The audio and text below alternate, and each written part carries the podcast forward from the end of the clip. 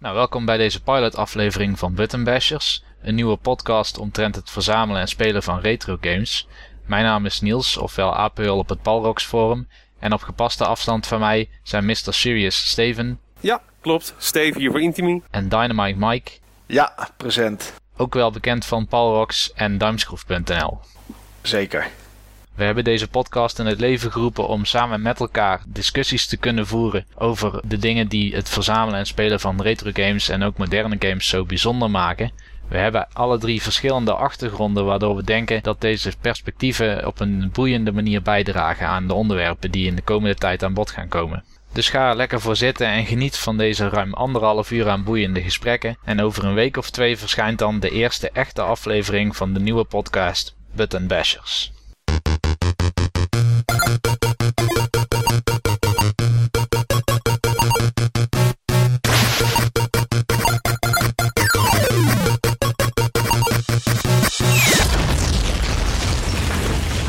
Mike, zou jij kunnen beginnen? Ja, ehm, mijn achtergrond gaat vrij lang terug. Ik ben uh, inmiddels uh, de 36 uh, gepasseerd. Dus ik heb eigenlijk alles wat aan gaming voorbij gekomen is sinds mijn zevende jaar, zeg ik even uit mijn hoofd, heb ik gezien, gespeeld of gehad. Ik ben ooit begonnen met de Atari 2600 bij een oom van mij, waar ik dan heel lief Pac-Man op speelde. Ik denk dat ik het level 1 nooit uitgespeeld heb, maar ik vermaakte me er enorm mee. Daarna ben ik overgestapt naar Commodore 64 en nou ja, goed, zo aan doorgegaan tot wat, wat tegenwoordig de huidige consoles zijn. Misschien interessant voor, voor het plaatje dat qua werk ben ik uh, ICT'er, dus ik zie veel en, en, en, lees veel en doe veel met de computers. En ja, daarnaast heb ik nog een functie als hoofdredacteur van, van een gamewebsite, uh, duimschroef.nl. Waarmee ik dus ook alles wat heden ten dagen uitkomt, zie en vaak ook in mijn handen heb. En waarmee jullie natuurlijk ook een eigen plaats innemen in de Nederlandse gamescene. Dat, ja, dat, eigen tone of voice. Ja, dat proberen we wel. Duimschroef komt voort uit het, het gamert.nl tijdperk onderdeel wat van geen stijl destijds. En nou ja, dat moest stoppen. Heel veel mensen zeiden van, dit vinden we eigenlijk zonde. We schrokken er zelf een beetje van hoeveel dat er waren. Het waren er namelijk meer dan tien. En ja, goed, toen zijn we, toen zijn we zelf gestart. En we proberen uh, pijnlijk rechtvaardig, zoals ons credo is, alles te bekijken. Wat voor velen vaak overkomt als heel zuur en negatief. Maar... Uh, ja, wij hebben altijd een beetje het gevoel dat de rest van de gamejournalistiek met een roze bril op zit. En eigenlijk alles maar mooi en leuk vindt als het iets digitaals is en beweegt. En ja, goed, daar proberen wij toch een beetje langs te kijken. En uh, nou ja, dat is een beetje mijn, mijn achtergrond. Ja, eigenlijk gewoon dezelfde opzet als Edge. Alleen dan nog wat meer sarcasme, wat meer humor erin. Dat proberen we wel, ja. Het lukt niet altijd, we falen er ook wel eens in. Maar dan kunnen we dan zelf weer om lachen. Dus dan hebben we eigenlijk het cirkeltje gewoon toch weer rond. En uh, Mike, aangezien we alle drie uh, Palrox offspring zijn... wanneer ben ja. je eigenlijk de, op dat forum beland? Oeh, um, dat is ergens in 2011 is dat gebeurd. Ik weet ook niet meer hoe ik op het forum terecht ben gekomen. Ja, dat weet ik wel. Dat is gekomen, uh, ik ging naar een Bonami-beurs in Apeldoorn. Toen nog in het, uh, de oude locatie. En omdat ik op zoek was eigenlijk naar iets wat, wat niet zo heel erg legaal is. Ik was op zoek naar een Nintendo 64 copybox. Uh, ook omdat ik het gewoon mooi vind dat er mensen ooit bedacht hebben dat ze op CD een rommetje kunnen zetten. En nou ja, hoe het hele proces werkt. En omdat ik terugkwam met het apparaat en het niet werkte, ben ik enorm gaan zoeken op het net uh, hoe ik hem aan de praat kon krijgen. En ja, toen kwam ik eigenlijk kwam ik op uh, Palrox uit. Nou ja, daar heb ik me geregistreerd en uh, nou ja, zo is het eigenlijk gelopen. Hm. Ja. Steven. Ja. Oh, Steve. Steve voor Intimi, ja. nou, Steve word ik nog een stuk liever. Joh, wanneer ben ik begonnen met games? Dat was denk ik toen ik 8 was. Ik ben nu 33.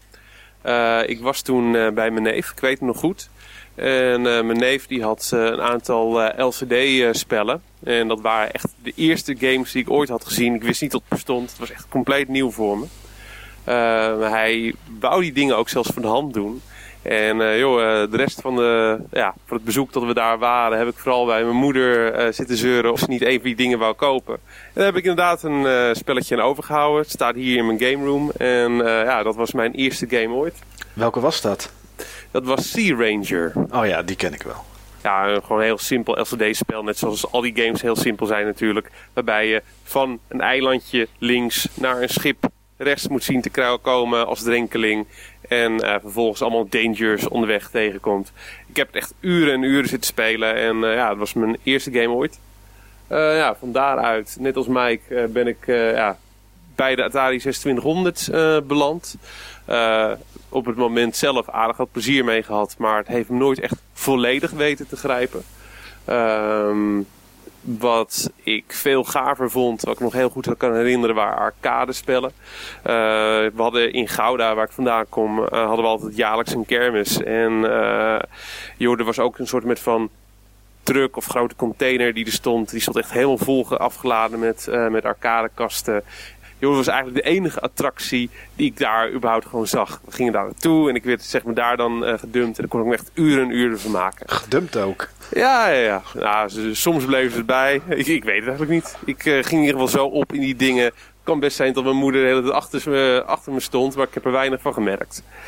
Veel bekende spellen daar ook voor het eerst uh, gezien. Donkey Kong, Double Dragon, Rygar. Dat tijdperk was het. En uh, ja, ik weet het goed. Ik uh, lag een keer op de bank thuis en toen kwamen er uh, reclames voorbij van de eerste originele Nintendo. En ik zag die graphics en ik had iets van wauw. Dit lijkt gewoon zoveel meer op die spellen daar van de kermis. En joh, waarschijnlijk heb je die daar gewoon ook op. Of in ieder geval spellen die heel erg op lijken. Dat ding moet ik gewoon hebben. Diezelfde winter is er toen zo'n ding in huis gekomen met Sinterklaas. En uh, ja, dat hadden mijn ouders beter niet kunnen doen. Want dat heeft in de loop der tijd aardig wat geld, aandacht en tijd in huizenspeld uh, ja, gevraagd. Ik moet zeggen, ik, uh, ja, het heeft gewoon zo'n deel van met name mijn jeugd bepaald. ja, gewoon geweldig. Gewoon geweldig om die, die games in die tijd te ervaren. En dat is ook uiteindelijk, uiteindelijk hetgeen wat me naar Palrox heeft gebracht. Heb je hem nog steeds trouwens? Want je hebt die, Ja, ik heb hem nog steeds. Ik heb hem nog okay, steeds. Dat is Hij, wel goed. Hij was ooit kapot. En hij is uh, gemaakt. En uh, de reparatie was vrij simpel. Het ding was van binnen gewoon echt zo gigantisch stoffig en smerig. Dat gewoon niks meer gepakt kon, uh, kon worden. dat verbaasde heel veel mensen. Want ik ben zelf echt heel erg netjes. En joh, mijn moeder had het echt tot in het extreme. Maar ik weet precies hoe het komt. Die nest die werd gewoon werkelijk waar elke dag afgestoft. En waarschijnlijk is het toen steeds een klein beetje stof als het ware naar binnen gesmeerd. En uh, ja, vandaar dat hij zo stoffig is geworden van binnen. Dus als je je nest schoon wil houden, maak hem vooral niet schoon. dat is eigenlijk gewoon uh, ja, het credo. Ik heb eigenlijk nooit iets weggedaan. Dat is, uh, ja, dat is ook iets waar ik, waar ik ook wel een beetje trots op ben. Alles wat ik vroeger had, dat heb ik gewoon nog steeds. Nou, dan heb je waarschijnlijk een grote schat aan retro gaming goodness. Ja, dat klopt wel. Dat klopt wel. Ik heb uh, aardig wat mooi spul. Dan kan je wel zeggen dat daar in de laatste twee jaar, dat ik eigenlijk dan uh, aan het verzamelen geslagen ben, is er ook veel bij gekomen. Iets te veel soms. Dus ja, maar dat is een uh, probleem wat iedere verzamelaar denk ik bekend in de oren klinkt. Of Ja, je nou games zeker. verzamelt of iets anders. Op een gegeven moment loop je gewoon tegen de limitaties van je huis aan qua ruimte. Ja. Ja, of je portemonnee. Of je portemonnee, of allebei. Ja. Maar uh, joh, bij mij is het grootste probleem altijd uh, ruimte. Ik, ik, woon niet zo heel erg groot. En ik heb ook geen zin om een heel gamehuis uh, te creëren in plaats van een game room. Ik hou het dan wel zoveel mogelijk tot één kamer beperkt.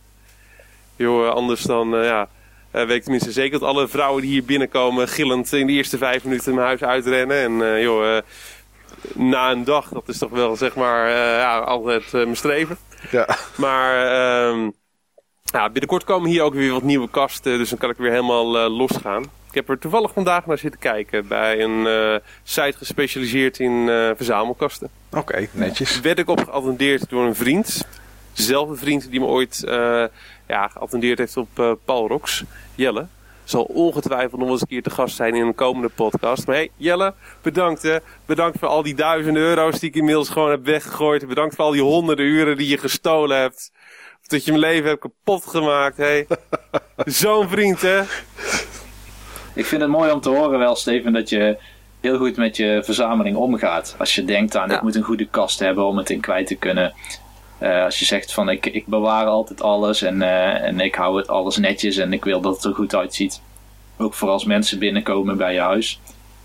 Ja, het zit ook een beetje in mijn karakter, maar ik ben gewoon zuinig op bijna al mijn spullen. Maar met name die games, ja, dat is gewoon iets dat heb ik gewoon al zo lang. En het is nog in zo'n mooie staat, ja, dan wil je het gewoon goed houden. Ja. Dus eh, het zit allemaal tegenwoordig in, in box protectors. Het ziet er gewoon ook zoveel strakker uit op, op die manier. Ja, gewoon super tof. Ja, klinkt goed. Wat is het, wat is het voornaamste wat je verzamelt, eh Steve? Eh, ja, de games die me altijd het meest eh, ja, getrokken hebben, dat zijn games uit 16-bit eh, tijdperk. Ik verzamel ook wel NES, Master System en wat PlayStation dingen. Maar de games waar ik echt gewoon eh, ja, het meeste mee in de weer ben gegaan om daar mijn collectie van in te vullen, dat zijn eh, SNES en eh Mega Drive Hmm. aangevuld met, eh, met PC Engine. Officieel een 8-bit console, maar als je kijkt hoe dat de kwaliteit van die spellen is, dat is gewoon een 16-bit eh, console. Er zit ook een eh, 16-bit eh, grafische chip in. Ja, vind, ik gewoon echt een eh, geweldige console om er als derde 16-bit eh, console bij te hebben.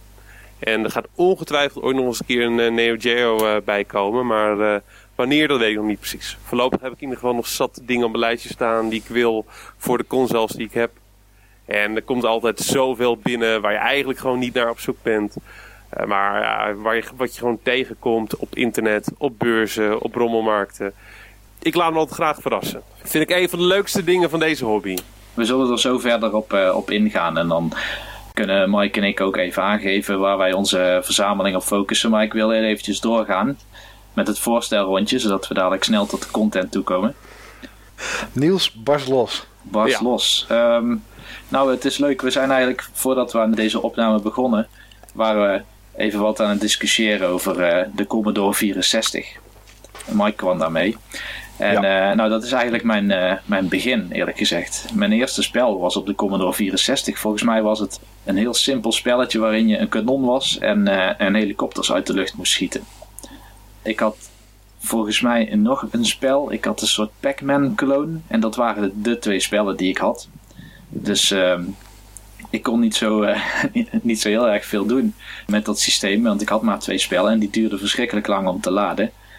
En eigenlijk ben ik daardoor geïnteresseerd geraakt om mijn eigen spelletjes te maken met eh, Basic.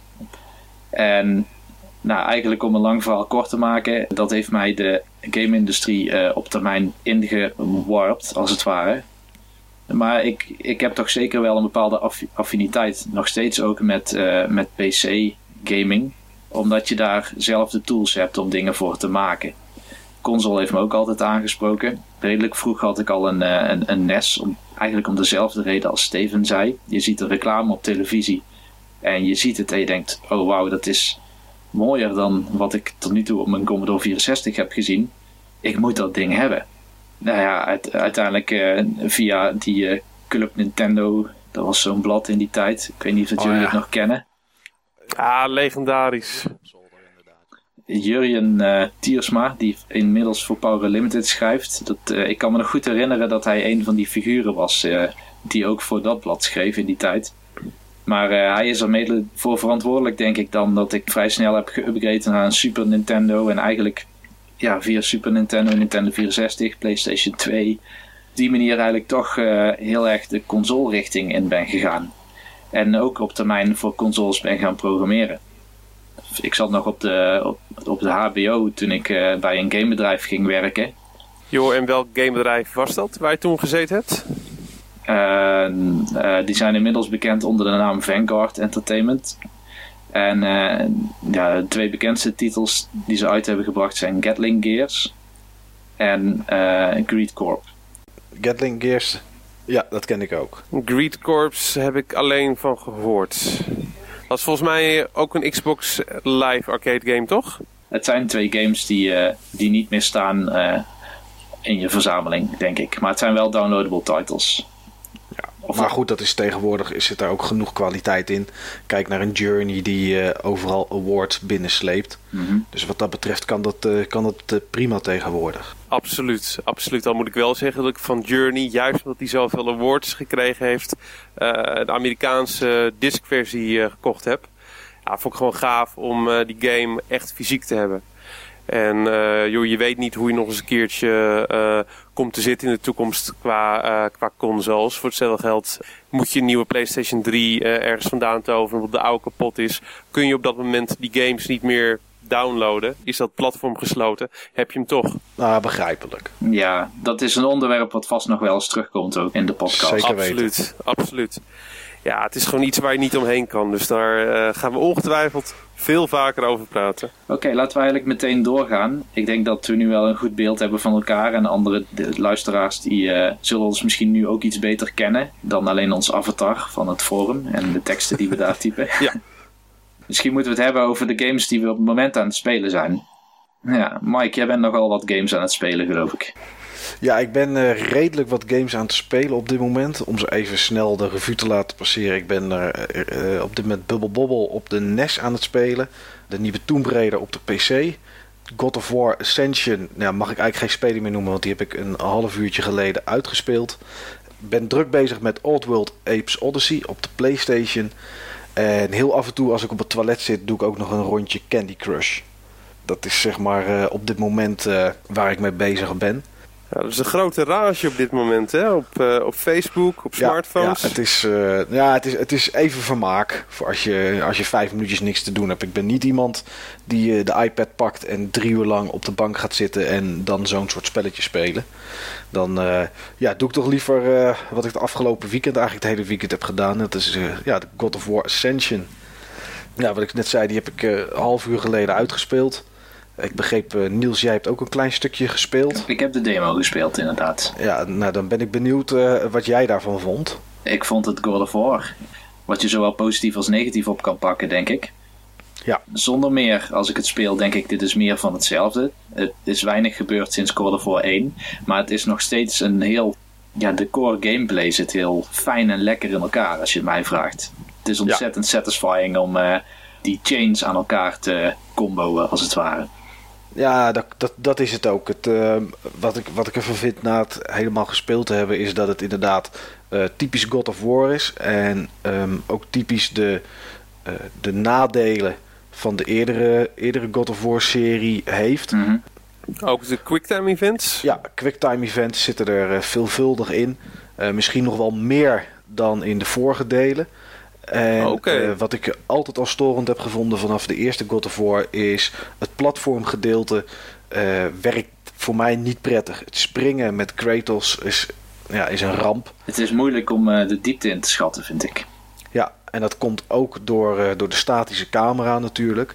En wat ik vind dat ze in het begin vooral van de game, wat je, wat je merkt, is dat ze Kratos een iets te grote jas hebben aangetrokken. En het lijkt er een beetje op als je een, ongeveer een jongetje van drie in een uh, XXL-t-shirt hijst. De wereld is soms zo groot en zo ver uitgezoomd dat je gewoon je eigen karakter niet eens ziet. Uh, waardoor het spelen eigenlijk een beetje onmogelijk wordt gemaakt. Je ziet niet of, of jij het bent of dat het een tegenstander is. En dat is iets wat in het begin uh, vooral stoorde. Maar voor de rest is het eigenlijk gewoon, ja, alsof ze dezelfde engine en alles hebben gepakt van deel 3. En gewoon een aantal mensen met een level uh, editor aan de gang hebben gezet. Om, uh, om een nieuwe game te maken. Ja. Wat ziet het ook beter uit dan uh, deel 3? Want deel 3 heeft natuurlijk heel, hele goede kritieken gekregen. Nee, voor mijn gevoel ziet het exact hetzelfde eruit. Ja. Um, wat, ze wel, wat ze wel goed doen, en dat is natuurlijk iets wat, uh, wat geweldig is aan die serie, is wat ik net als nadeel noemde van het, het grootste, is het grootste ook wel iets wat de serie trekt. Het is natuurlijk zo gigantisch. Je hebt zulke grote tegenstanders, zulke grote objecten in de wereld, waardoor je je zo, uh, ja, zo klein voelt. Dat het wel een overwinning is als je een man voor je gevoel van 200 meter groot neerhaalt. Door eventjes je blades in zijn ogen te steken. En dat, uh, ja goed, dat, het is iets wat ik, uh, wat ik erg leuk vind om te spelen. Ik, ben ook, ik heb nou, twee sessies van ongeveer een uurtje of vier, vijf achter elkaar gespeeld. En toen, uh, toen was het klaar. Maar ik denk dat ik nog wel voor een tweede ronde ga. Dat is een vrij korte campaign dan. Als je heel erg doorspeelt en niet op zoek gaat naar wat extra's. Al liggen die niet ver weg. Want het is nog steeds heel erg lineair.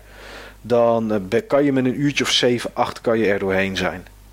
En uh, ja, wat, ze, wat ze hopen dat je daarna gaat doen, is de multiplayer spelen. Want die zit er voor het eerst in. Zeg Mike, jij was ook Oddworld Munch's Odyssey aan het spelen op de Vita?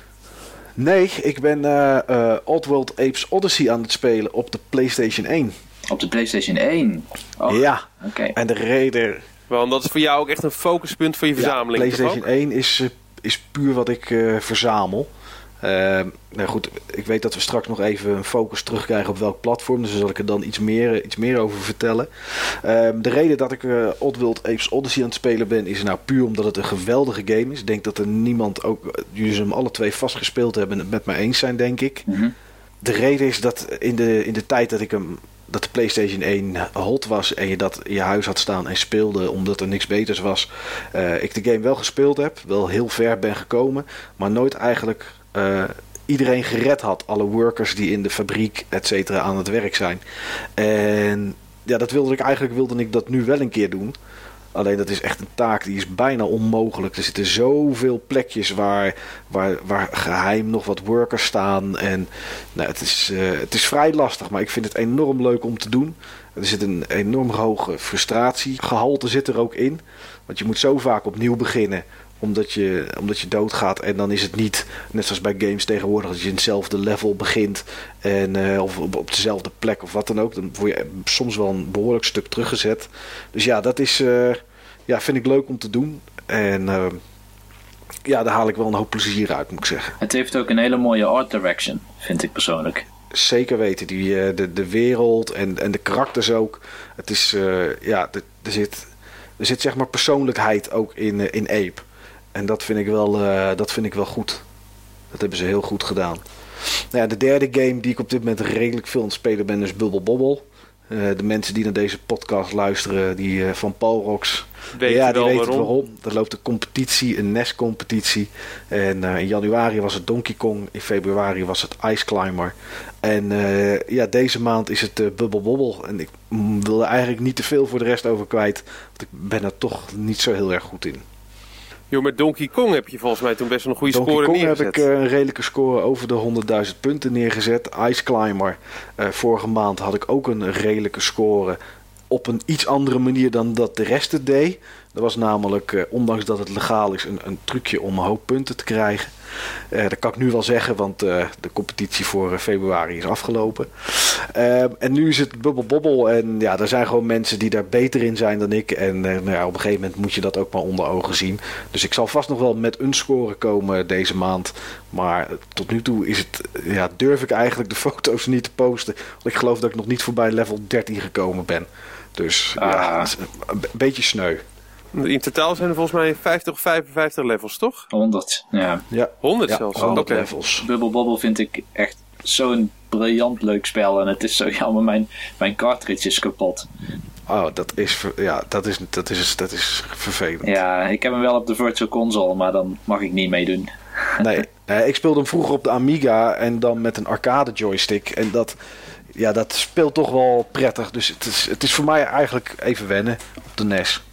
Ja, ja. Dus, uh, dat is een beetje wat ik op dit moment uh, aan het spelen ben. Nou, ik had nog, ik had nog een vraag aan, uh, aan Mike over de hoeveelheid spellen die hij tegelijkertijd ja. uh, speelt. Doe je dat altijd op die manier of vaak? Eigenlijk altijd wel. Omdat we voor Duimschroef redelijk wat games binnenkrijgen die gereviewd moeten worden, speel ik sowieso altijd wel een, een om het maar zo mooi te noemen, current gen game. Of dat nu op de PC is of op de, op de, de PS3 of op de Xbox 360, dat maakt niet zoveel uit. En er zijn altijd uh, games die je voor eeuwig blijft spelen. Bijvoorbeeld Team Fortress 2. Een gratis uh, online shooter van, uh, van Valve. Ja, dat is... Ja, klassieker. Dat is elke vrijdagavond en zaterdagavond met een aantal kameraden zitten we op Teamspeak. En dan hoeft er maar één te zeggen, gaan we nog schieten? En dan weet iedereen genoeg. En dan wordt het weer twee uur, drie uur lang knallen. Um, maar meestal ben ik wel een game of vier, vijf tegelijkertijd aan het spelen. Minimaal. In tegenstelling tot Steve. ja. Ja, dat klopt. Dat klopt. Dus ik ben op dit moment ben ik heel gefocust met één game bezig. En uh, ja, helaas moet ik dat uh, ook wel echt doen als ik echt iets wil, uh, wil bereiken met langere games. Dus het is ook een langere game. Ik ben ook bezig met Dragon Age. Ja, een game van alweer een paar jaar terug. een game die ik ook gekocht had op de PC op het moment dat ik mijn nieuwe PC had. Uh, was toen echt net nieuw en ik had gewoon een, ja, ik was op zoek naar een leuke grafische showcase van wat mijn PC allemaal kon. Nou, Dragon Age gekocht en ik vond het een geweldige game. Alleen ik ben eigenlijk na een paar uur al afgehaakt, omdat ik gewoon heel simpel geen PC-gamer ben. Ik uh, heb een kantoorbaan. Ik werk als uh, manager op een internetafdeling van een verzekeringsmakelaar. En ik zit gewoon al 40 uur per week, bij wijze van spreken, op de, uh, los van de meetings die ik heb, achter een monitor en toetsenbord en muis gebogen. En ik vind het gewoon niet relaxed om dat in mijn vrije tijd ook te doen. Punt. oh, dus geen, ja. geen discussie over mogelijk. nou, in ieder geval voor mezelf. Voor mezelf vind ik het gewoon niet, niet prettig. Ik ben er gewoon keer op keer achter gekomen om de zoveel jaar koop ik gewoon weer een nieuwe PC. En maak er altijd weer een stevige game PC van. En elke keer is het gewoon weer zo. Ja, een beetje internet, een beetje telemarkieren, een beetje downloaden. En heb ik gewoon weer de helft van het geld wat ik geïnvesteerd had in de PC. Met de grafische kaart en een hele sloot geheugen heb ik dan weer al zelfs Niels, zelfs Niels dus, kan jou niet overhalen met zijn uh, Monster Hunter Magic Skills. Ja, lastig, Steve, lastig. je weet niet wat je mist, dus, uh, punt. Ja, Waarschijnlijk, waarschijnlijk. Maar uh, joh, als ik gewoon kijk wat ik allemaal heb liggen om, uh, om te spelen, is het gewoon zo ja. gigantisch veel. Kom ik al niet aan toe. Ga ik nooit aan toe komen. Ik heb het gevoel dat ik wel zonder kan. Er zijn een paar games op PC die, ik, uh, ja, die me altijd wel heel erg aan hebben gesproken en die ik wel heel erg leuk vind. Toevallig weet ik dat jij het straks over een van die games in ieder geval gaat, gaat hebben. Maar uh, ja, ik heb gewoon laatst het besluit genomen van... joh, ik ga Dragon Age ga ik gewoon voor de tweede keer kopen. In dit geval dan op de Xbox 360. Uh, ik heb uit Engeland heb ik de Ultimate uh, Edition uh, gehaald. Vond ik ook wel leuk. Want dat is een van, ja, van de weinige games waar ik echt 100% overtuigd ben van deze generatie. Dat die heel erg rare gaat worden. En, en waarschijnlijk ook duur daardoor. Ja, is een versie van Dragon Age die eigenlijk op een beperkt aantal plaatsen is uitgekomen. En ook in vrij gelimiteerde cijfers. Is Dragon Age met de expansie, Awakenings en alle losse DLC. En dat staat allemaal op een tweede disc. En uh, die tweede disc, die, ja, die loop je gewoon door met een installatieprogramma. En wordt daarna gewoon keurig netjes op je harde schijf neergezet. Zonder genoeg schijfruimte kun je hem ook echt niet spelen. Maar als je zeg maar wat mensen hebt in je omgeving die een normale versie hebben van Dragon Age, kan je gewoon met dat diskje langs gaan, kunnen ze het gewoon erop zetten. Is geen haan die er naar kraait. Wat voor, wat voor klas speel je? Daar ben ik wel even benieuwd naar. Ja, wat voor klas? Ik uh, ben in eerst, ik ga hem sowieso meerdere keer uitspelen. Dat heb ik me in ieder geval wel voorgenomen. Uh, dat vind ik gewoon altijd leuk met uh, games van BioWare. Ik heb het gevoel dat ik anders ook gewoon echt een deel van het spel mis op het moment van dat ik het uh, ja, maar één keer doe. Omdat je natuurlijk heel veel moral choices moet, ja. moet maken. En, ja, en er kunnen ook best wel veel verschillen zitten natuurlijk qua classes. Ik speelde op dit moment als, als warrior. Ik ben gewoon echt heel saai voor de warrior gegaan. En als ik zeg maar mijn tweede run ga doen, dan wil ik hem waarschijnlijk gaan spelen of als rogue of als mage. Ik neem me meestal voor om dan de tweede keer als mage te gaan. Maar meestal ga ik dan ook voor een klas die, ja, die redelijk combat georiënteerd is. Al moet ik wel zeggen dat ik ja, de combat vind ik tot nu toe het zwakke punt van, ja, van de game. Klopt. Hier, hiervoor heb ik Kingdoms of Amalur gespeeld in december. Was in december was ik een paar weken vrij en toen ben ik echt helemaal losgegaan in Kingdoms of Amalur. En ik vond het verhaal van Amalur vond ik juist wat matig. Alleen de actie vond ik echt gewoon geweldig. Maar echt het gevoel alsof je heel veel controle hebt over, ja, over uh, alle moves die je uit de kast kan trekken. Het is ook redelijk snel voor een, uh, voor een RPG. Uh, je kan je karakter continu blijven veranderen. Ja, dat waren echt gewoon dingen die ik gewoon heel erg leuk vond in, in Amalur. En dat mis ik nu in Dragon Age. Daarentegen staat juist dat ja, de wereld die BioWare neerzet, die is gewoon echt heel erg rijk, is gewoon heel erg aangekleed. Je hebt het gevoel dat overal een verhaal achter, uh, achter gaat. En de karakters die komen ook heel erg levendig over. Bij bijvoorbeeld Kings of Amalur had ik het gevoel dat best wel kartonnen karakters waren. Er is geen karakter me echt bijgebleven. En als ik kijk in de paar uur, want ik heb tot nu een uurtje of acht, uurtje of tien in zitten. Ja, als ik gewoon kijk naar de karakters die, die ik nu al ben tegengekomen, dan heb ik daar precies tegenovergestelde gevoel bij. Dus dat is voor mij absoluut wel een reden waarom ik altijd fan ben van de games van BioWare. Ja, dat had ik al met Baldur's Gate, dat had ik met, King, uh, met uh, Knights of the Old Republic. Ik had het minder met, uh, met die Aziatische game op, uh, op de Xbox. Ik ben heel eventjes uh, de naam kwijt. Jade oh, ja. Empire. Jade Empire. ja, dat staat ook wat minder aangeschreven, voor zover ik weet, qua verhaal dan veel van hun andere titels. Het allermeest had ik het nog met Mass Effect. Mass Effect blijft toch wel mijn favoriete ja, Bioware game. Vind ik echt nog beter dan, uh, dan Baldur's Gate. Is absoluut ook mijn favoriete gameserie op, uh, op de Xbox. Ik heb echt zoveel tijd in die game zitten. Ja, ik vind ze ook alle drie geweldig. Met name de, de tweede en derde. Ik vind de derde ook eigenlijk wel net zo goed als, uh, als de tweede. Veel mensen vinden hem minder. Dat einde is natuurlijk heel controversieel. Maar ja, als je gewoon kijkt naar de basis van het spel en hoe alles voortgezet wordt over je saves heen. Ja, geweldig. Geweldig dat is een van de dingen die ik ook wel jammer vond aan, uh, aan Dragon Age. Ja, ik moet het eerste deel natuurlijk nog helemaal uit gaan spelen. Maar wat ik ervan weet is van tot in deel 2 er weinig of helemaal niks volgens mij ook overgenomen wordt uit je saves. Vind ik jammer. Volgens vind ik mij kan je beter 2 niet spelen. Nou, volgens mij kan ik weglaten. Je kan beter 2 niet spelen. Oké. Okay. is echt uh, behoorlijk beroerd. Oké, okay, ja, beroerd zelfs. Echt slecht. Ja, zonde, ja. zonde ja, ik weet ook dat hij gewoon veel minder reviews heeft uh, gekregen. Ik heb hem wel, ik heb hem wel liggen. Ik heb hem ooit eens een keertje voor een tientje kunnen kopen op een, uh, op een gamebeurs. Met uh, ongebruikte DLC erbij. En ik had zoiets van, ja, lijkt in ieder geval wel leuk om te hebben. Maar ja, als je ook kijkt wat, je, wat voor investering je ook moet maken in dit type game qua uren. Ik weet niet of ik dat tweede deel ga spelen. Maar tot nu toe vermaak ik hem goed met het eerste deel. Er zit weer een lekkere sfeer in. Uh, er ligt een hele wereld voor je open. Dat is gewoon iets wat ik altijd heel erg gaaf heb gevonden aan uh, dit type RPG. Oké. Ja, joh, dan is het maar goed dat ik met één game bezig ben, toch? Als ik al zoveel over één game kan zeggen. je bent ook vermoedelijk nog uh, de komende vijf, zes afleveringen met die game bezig. Ja, dus ik kan misschien iets zeggen over mijn progress. Maar ik wil wel wat dingetjes ernaast op gaan pakken. Want ik zag gewoon die lijst van, van Mike. En ik had echt zoiets van, wauw. Als hij met vijf, zes games tegelijk bezig kan zijn, moet ik toch wel minstens een tweede bijpakken. Ik vind de laatste tijd dat ik wat minder aan gamen toekom. Ik heb ook gewoon vrij druk op de zaak. Ik heb vrij druk met andere dingen. Ik heb veel hobby's. Helaas heb ik veel hobby's.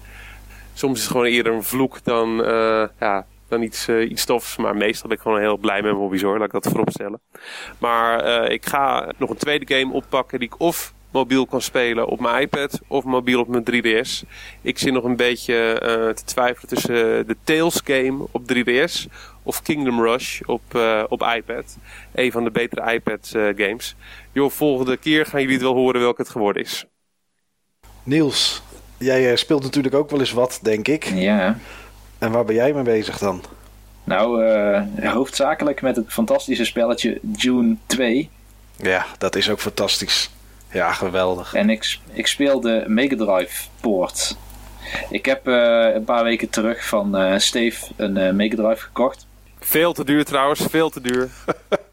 Vrijwel onmiddellijk daarna heb ik June 2 geïmporteerd vanuit Engeland en een RGB SCART kabel om beetje een beeld te krijgen. En ik zit er weer helemaal in. Ik was vroeger al een groot fan van June 2 het uh, domineerde eigenlijk mijn, uh, mijn middelbare schooltijd. Ik had het er veel over, ook met vrienden.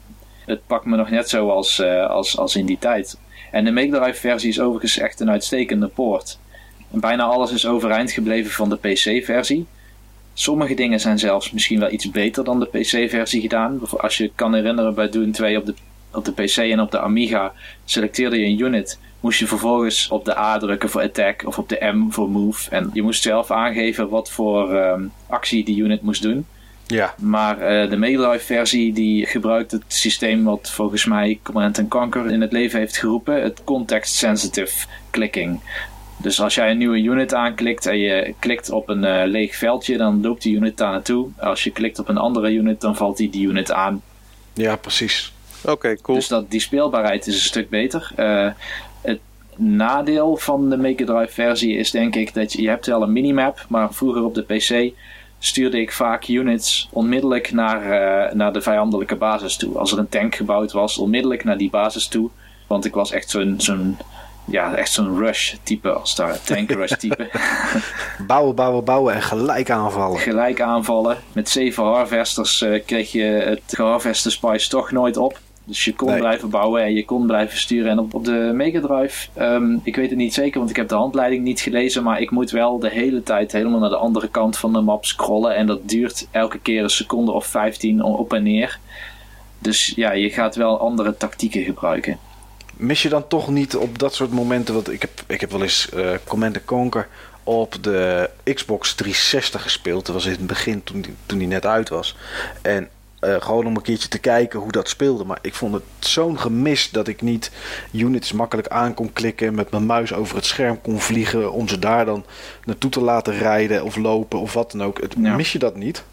Mm, nee, ik ben redelijk snel wel met, eh, met de D-pad. Oké. Maar eh, het- ik mis het wel wanneer ik ja, grote afstanden moet overbruggen met mijn units. Ja, oh, dit is zeg maar één, één soort type game, net zoals een first-person shooter, waarvan ik tegen Steve zou zeggen: Steve, kap er nou mee op zo'n console. Ga nou echt achter die PC van je zitten die elke twee, drie jaar koopt. Ja, joh, en daar ben ik het echt volledig mee eens. Want eh, als er één genre is wat ik echt gaaf vind en waar ik nu eigenlijk bijna niet eh, ja, mee in aanraking kom, dan is het wel gewoon real-time strategy games. Eh, vind ik ook gewoon minder werken op een, eh, op een console, vanwege de redenen die Mike ook eh, net al eh, zei. Eh Dune 2 heb ik nooit gespeeld op de Mega Drive, maar ik heb hem echt helemaal grijs gespeeld op, op de PC. Was voor mij mijn eerste real-time strategy game. Joh, ook gewoon het, alles vanaf die intro, die intro met die gesproken teksten, die vrouw die die huizen voorstelt. Geweldig. Ja, dat is gewoon wel een van de genres waarvan ik vind dat het gewoon minder werkt met een eh, controller. Al wil ik deze gewoon best wel graag een kans geven. Ik heb hem zelf ook. Eh, ik wist niet dat het een goede poort was. eh, omdat ja, jij er nu mee bezig bent, was ik even gaan lezen. En hij staat inderdaad gewoon best wel goed aangeschreven. Dus ik ga hem zeker uit de kast trekken. Ik hoop in ieder geval tot met de, ja, de nieuwe generatie consoles en de mogelijkheden die er ook komen om smartphones, eh, de tablets die je in huis hebt te gebruiken als extra controllers, tot er daardoor ook gewoon meer mogelijkheden komen om eh, ja, ook dit soort games wat natuurlijker te spelen vanaf je bank. Ja, inderdaad. Volgende, volgende podcast staat er bij Steven, denk ik, als spelletje wat hij speelt, Dune 2. Gok ik. Het, zou, het zou zomaar kunnen. Het zou zomaar Ik kunnen. hoop het. Ja. Ja. Het is in ieder geval wel een game die me in de tijd heeft eh, gegrepen. En eh, ja, Westwood, als je ziet wat ze daarna nog allemaal hebben gemaakt. eh, in de lijn van dit type game binnen dit genre. Ja, echt geweldig. Command Conquer, Red Alert. Ja, echt gewoon klassiekers. Ik ben ook Ocarina of Time opnieuw aan het spelen. Oké, Dat leuk. komt omdat leuk. afgelopen Waarop als ik vragen op mag? de Nintendo 3DS. Ah, Oké, prachtige versie. Ja, zeker een, eh, een, een, een remake die wel de moeite waard is. Ik geloof dat, eh, dat Steve en ik wel op één lijn zitten als het gaat om eh, HD remasters. Daar zijn we niet zo'n fan van, geloof ik. Nee, pure remasters absoluut niet. Nou, daar, Vind ik eh, gewoon verspilde moeite. dan zijn we inmiddels met z'n drieën, want ik vind, het, ik vind het de grootste uitmelkerij die er is. Oké. om, eh, om iets eventjes in, in, drie, eh, in HD te maken, soms ook in 3D. En dan te zeggen, jongens, koop het maar. Maar ik denk dat we daar ook nog wel eens een keer op terugkomen. Want ik krijg al een beetje de rillingen over mijn rug als ik van Nintendo weer een mailtje krijg. Vandaag is Super Mario Bros. in de e-shop te koop voor je Wii U. Maar goed, dat voor een andere keer. Ja. Gaan we het zeker nog Vind ik over zeker een topic waard. Inderdaad. Maar Ocarina of Time is in ieder geval een, eh, een remaster op de 3DS. Echt heel erg goed gedaan. Het draait veel soepeler. Eh, gisteren heb ik nog si- simultaan met een vriend van mij. Die heeft eh Ocarina of Time voor de Nintendo 64 gekocht op de beurs in Deurne. En die speelt het voor het eerst. Dus hij speelde het op de televisie, op de Nintendo 64. En ik zat ernaast op de 3DS het spel te spelen. En we zijn ongeveer eh, even ver in het spel. Allebei Adult Link en bij de Fire Temple in de buurt. Bij mij viel op dat op de Nintendo 64 was dat spel toch echt wel onder de 20 frames per seconde. Nou, onder de 15 hoor. Onder de 15 misschien zelfs. Ja, Maar het heeft wel, kijk, eh, op de Nintendo 64 was bijna alles wazig. En ik herinner het me niet Ja. anders dan dat het beeld gewoon vrij blurry is. Maar Ja. het had bij Zelda, die overworld, ja, het, ik vond het wel grappig. Het leek net alsof er echt gras in zat. En op de 3DS is het eh, gewoon duidelijk zo'n texture.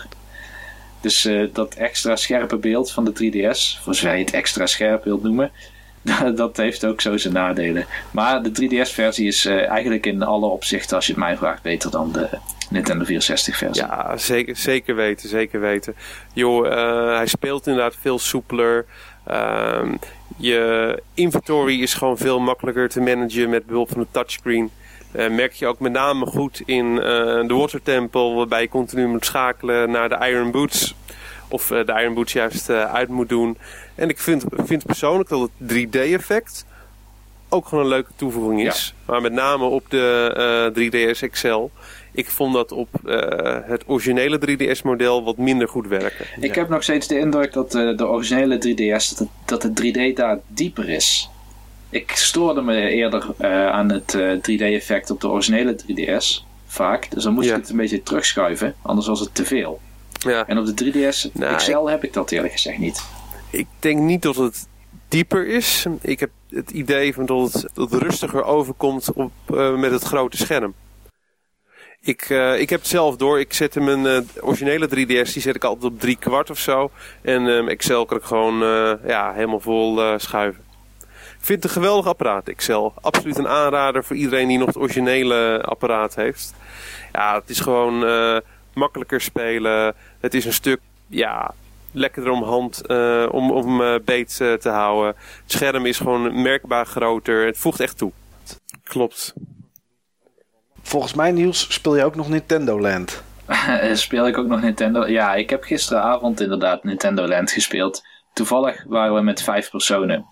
Ah, leuk. leuk. Dat is toch wel een titel. Kijk, ik, ik speel Nintendo Land bijna nooit. Uh, want het is echt gemaakt als een, als een soort showcase, zou ik bijna willen zeggen. Wat heel goed werkt als je met vijf spelers bent. Het is ook serieus echt ontzettend leuk om te spelen. Tenminste, bepaalde minigames daarin. We hebben gisteren de, de Metroid minigame met vijf spelers gespeeld. En dat is eigenlijk gewoon een co-op shoot-em-up. Ja, we hebben er 15 levels van gespeeld. En er waren nog zeker vijf meer. Misschien unlock je nog wel meer na die vijf. Maar dat was nog best wel uh, uitdagend. Ik speel veel games, maar er zat ook iemand bij die eigenlijk nooit games speelt bijvoorbeeld. Maar die kon dan toch goed meedraaien. Oké. Er zit een goede balans in, in, bijna al die spelletjes. Tussen ja, uh, cooperative play en competitive play. Dus het is, uh, ja, met vijf spelers is het toch wel de moeite waard. Ja, ik, ik, heb, ik heb geen Wii U.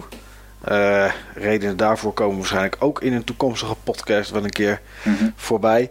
Maar um, ik ben vorig jaar nadat op de E3 uh, zeg maar de Wii U echt volledig gelanceerd uh, was en, en je allerhande games kreeg te zien en mensen daar konden spelen, werden wij door Nintendo uitgenodigd om dat hier in Nederland ook te komen doen. Toen heb ik wel even Nintendo Land een aantal games gespeeld.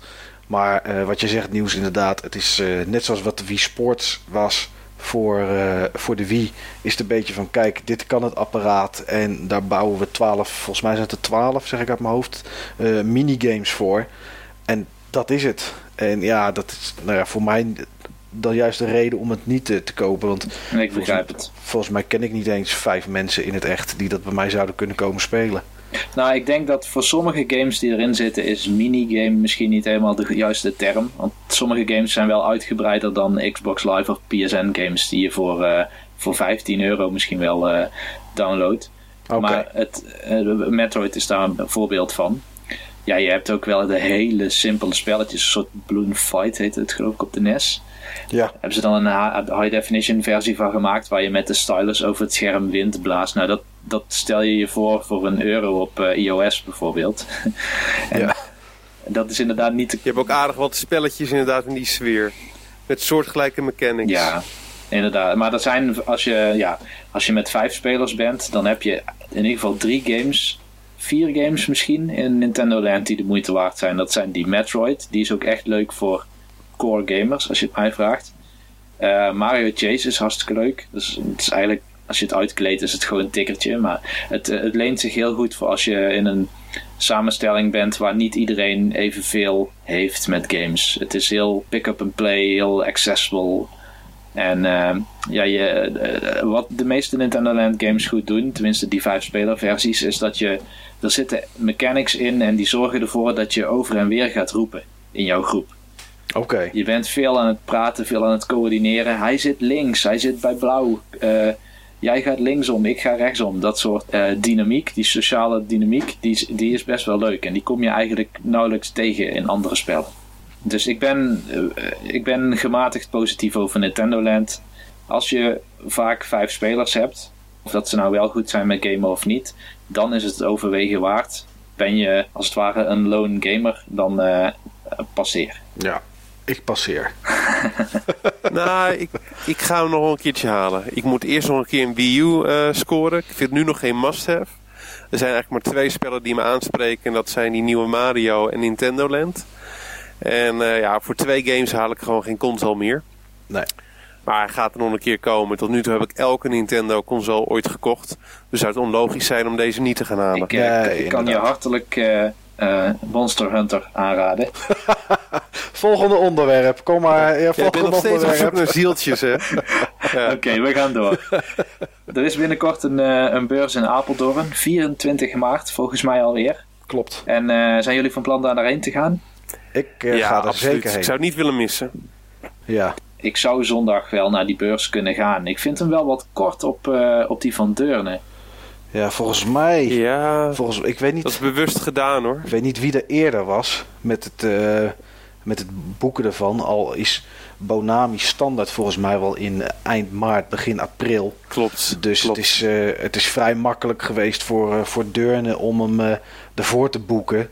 En ja, als er natuurlijk een, een tijd geen beurs is geweest, en volgens mij was oktober de laatste, zeg ik, van Bonami dan is iedereen natuurlijk weer uh, gebrand om zijn geld uit te geven. Ja, dan wie het, uh, wie het eerst komt, wie het eerst maalt uh, qua beurzen. Dus ik denk dat, dat daarom uh, Deurne hem eind februari heeft gehouden. Ik weet het wel zeker. Joh, dat is gewoon slim georganiseerd op, op die manier. Joh, mensen kunnen hun geld maar één keer uitgeven. Zeker nu mensen toch al wat bedachtzamer met, ja, met hun budget omgaan. Al moet ik wel zeggen, ik was ook op Deurne. Ik merk er weinig van. Er wordt er gewoon echt, zeker op dat soort events, wordt er gewoon echt geld uitgegeven als water. Echt bizar om te zien, maar ik doe er zelf ook net zo hard aan mee. Nou ja, hier, hier, hier nog één. Als ik kijk wat ik uitgegeven heb uh, die dag, denk ik, dan moet ik, als ik er nu aan denk, moet ik toch even slikken. Dat ik denk van zo. Kun je een orde van grootte noemen? Uh, volgens mij zat ik rond de 400 euro wat ik die dag heb uitgegeven. Oké, okay. dat is behoorlijk. Dat is uh, fors. Dat is het dubbele wat ik uitgegeven ja. heb. Ik heb 200 uitgegeven. Ja. Was jij er, Niels? Ik was er ook. Ik heb 100 40 euro uitgegeven, denk ik, 130. Maar okay. ik heb daarna weer van alles geïmporteerd om uh, met mijn Mega Drive aan de slag te gaan. En ik heb uh, gisteren nog 12 Mega Drive games van Marktplaats gekocht. Okay, dus ja. laten we zeggen dat 200 euro niet op Deurne, maar wel omtrent Deurne heb uitgegeven. Ja. Ja, goed hè, dat ik jou die Mega Drive heb aangesmeerd. ik had zoiets van, joh, laten we ervoor zorgen dat, ik, dat die jongen vooral gewoon nog meer heeft om zijn geld aan uit te geven. Nou, dat is je goed gelukt zo te horen. Ja. ja. Nee, ik ben ontzettend tevreden met die Mega Drive. Het is echt een... Ja, het is gewoon een must-have. Het is een must-have systeem inderdaad, daar ben ik met je. Maar ik, ik heb denk ik net als jij, uh, Steve, uh, veel affiniteit met dat 16-bit tijdperk. Er zijn veel genres... Uh, zo geworden zoals ze eigenlijk nu nog steeds zijn. Maar dan in hele pure vorm beleef je ze dan weer opnieuw. Zo zie ik dat 16-bit. En een hele grote nadruk op uh, co-op multiplayer. En daar ben ik verzot op. Ja, ja dan uh, weet ik nog een paar mooie titels die je dan echt op de Mega ja, Drive maar wacht maar uh, even een paar maandjes, komen we nog Steve, op. Komen we nog op. Eerst moet dat budget weer eventjes aangroeien. Zo is het. Nee, ik, uh, ik zou zomaar eens toch naar Apeldoorn kunnen gaan. Al was het maar om even met jullie te praten. Ja. Ja. Ja. Joh, uh, Mike en ik uh, moeten ook wel, want Mike en ik hebben een doel, toch? Ja, Mike? ik denk dat we het nog niet moeten verklappen. Dat gaan we zeker niet nee, doen. Maar wij hebben een, uh, een heel mooi doel voor die dag. En daarvoor moeten wij vroeg uit de veren. Ja. Maar goed, daar, daar gaan we je nog wel over inlichten, Niels. Dat, Wellicht op de volgende podcast dat we daar meer over horen. Ja, nou, dat gaat zeker nog wel voorbij komen. Ja, maar uh, nee, ja, ik ga wel naar Apeldoorn. Puur omdat het uh, op de route ligt van uh, de reis die ik elke zondag afleg. Nou ja, goed. Naar, naar de kerk, toch? Naar de kerk, inderdaad. In, in de buurt van, van Spakenburg. En dan, ja, dan kom ik er langs. Dus dan is het eigenlijk geen probleem om even te gaan kijken. En dat is voor mij eigenlijk de, de enige retro-beurs waar ik nog naartoe ga. Na de afgelopen beurs in Deurne. Want dat vond ik echt, echt veel te krap, te druk en daardoor onoverzichtelijk. En ik heb me er ook gewoon niet, niet vermaakt. Ik heb... eh, Niet vermaakt zelf. Nee, nou goed. Sorry, Steve. Ik heb dat praten wat ik met jou heb gedaan, dat was natuurlijk leuk. En ik heb nog een aantal andere mensen gesproken. Maar Ik voel hem al heel erg aangevallen hier hoor. Echt diep teleurgesteld. ja, maar dat had ook... Ik haal mezelf nu vannacht in slaap. Nou ja, goed. Dan kom je in ieder geval snel in slaap. Dan heb ik dat in ieder geval ja, dat geregeld. scheelt. Dat scheelt. Nee, maar qua beurs, eh, kijk, die, eh, jou kan ik ook ergens anders ontmoeten en gezellig een babbeltje Dat maken. Maar ik vond de beurs zelf, nee, ik ga, daar, ik ga er zelf niet meer naartoe. Ik vond het, eh, ik had bij iemand geregeld om een eh, flinke stapel games te kopen. Nou, dat heb ik gedaan en nog wat los, maar ik heb niet rustig kunnen kijken. Dus voor mij is Apeldoorn eigenlijk, eh, ja, dat is gewoon ruim en overzichtelijk. Ja, ik, ik begrijp wel wat je zegt, Mike. Ik moet zeggen, was dit de derde beurs in Deurne? De Ja, derde keer. De derde. De vorige, de, vooral de eerste keer was mij bijzonder goed bevallen, eerlijk gezegd. Het was nu inderdaad wel, het, het lijkt wel dat, het is niet drukker geworden qua bezoekers, maar ik denk dat er meer aanbod is. Waardoor, Ja. Ja, ik denk allebei. je denkt allebei, nee, ik Ja, denk dat het lijkt. Iets drukker, denk ik. Ja, je denkt dat het Ik lijkt? denk dat het lijkt omdat er te veel verkopende partijen staan eh, en daar willen staan dat de gangpaden eh, versmalt worden. Ik bedoel, als er twee, twee mensen in een gangpad stonden met hun eh, gezicht naar een kraam toe om even rustig te kijken, kon jij er bijna niet tussendoor komen. Nou, dat was de eerste keer was dat niet en ik denk dat het daarom al heel snel eh, heel erg druk lijkt. ja, dat, ik denk dat dat, dat dat wel klopt inderdaad. Het was, je stond eigenlijk heel lang in de file, zullen we maar zeggen. Het was moeilijk om Ja. een tafel Ja, te bereiken. Absoluut. Vooral in die, eh, die main hall, als je het mij vraagt. Ja. Dus eh, ja, ik ben in Apeldoorn. Oké, nou, goed om te weten. Nou, wellicht zien we elkaar in Apeldoorn. Nou, het moet goed komen. Even, eh, Ja. Steve, jij begon eh, tijdens je introductie over eh, dat je je voornamelijk richtte qua verzamelen op Ja. de 16-bit systemen, geloof ik. Dat je- Ja, dat klopt helemaal. Ja, ik vind het gewoon eh, tijdloze games. Joh, die 8-bit games die waren al enorm leuk, maar met eh, ja, toen die 16-bit consoles kwamen, heeft het gewoon zo'n gigantische stap gemaakt qua graphics, qua geluid, qua gameplay en ook gewoon al die genres die erbij gekomen zijn die daarvoor niet mogelijk waren of tijdens die 16-bit eh, era pas echt populair geworden zijn. Ja, ik vind het gewoon een heel mooi eh, tijdperk qua, qua games. Ik heb altijd een Super Nintendo gehad. Was echt helemaal eh, verknocht aan. Had ik toen ook echt nog meer games op dan op, eh, op de NES. Mega Drive heb ik nooit gehad. Heb ik wel altijd willen hebben. En ik las toen ook altijd veel eh, comics. Amerikaanse comics. En daar kwamen altijd eh, ook reclames voorbij.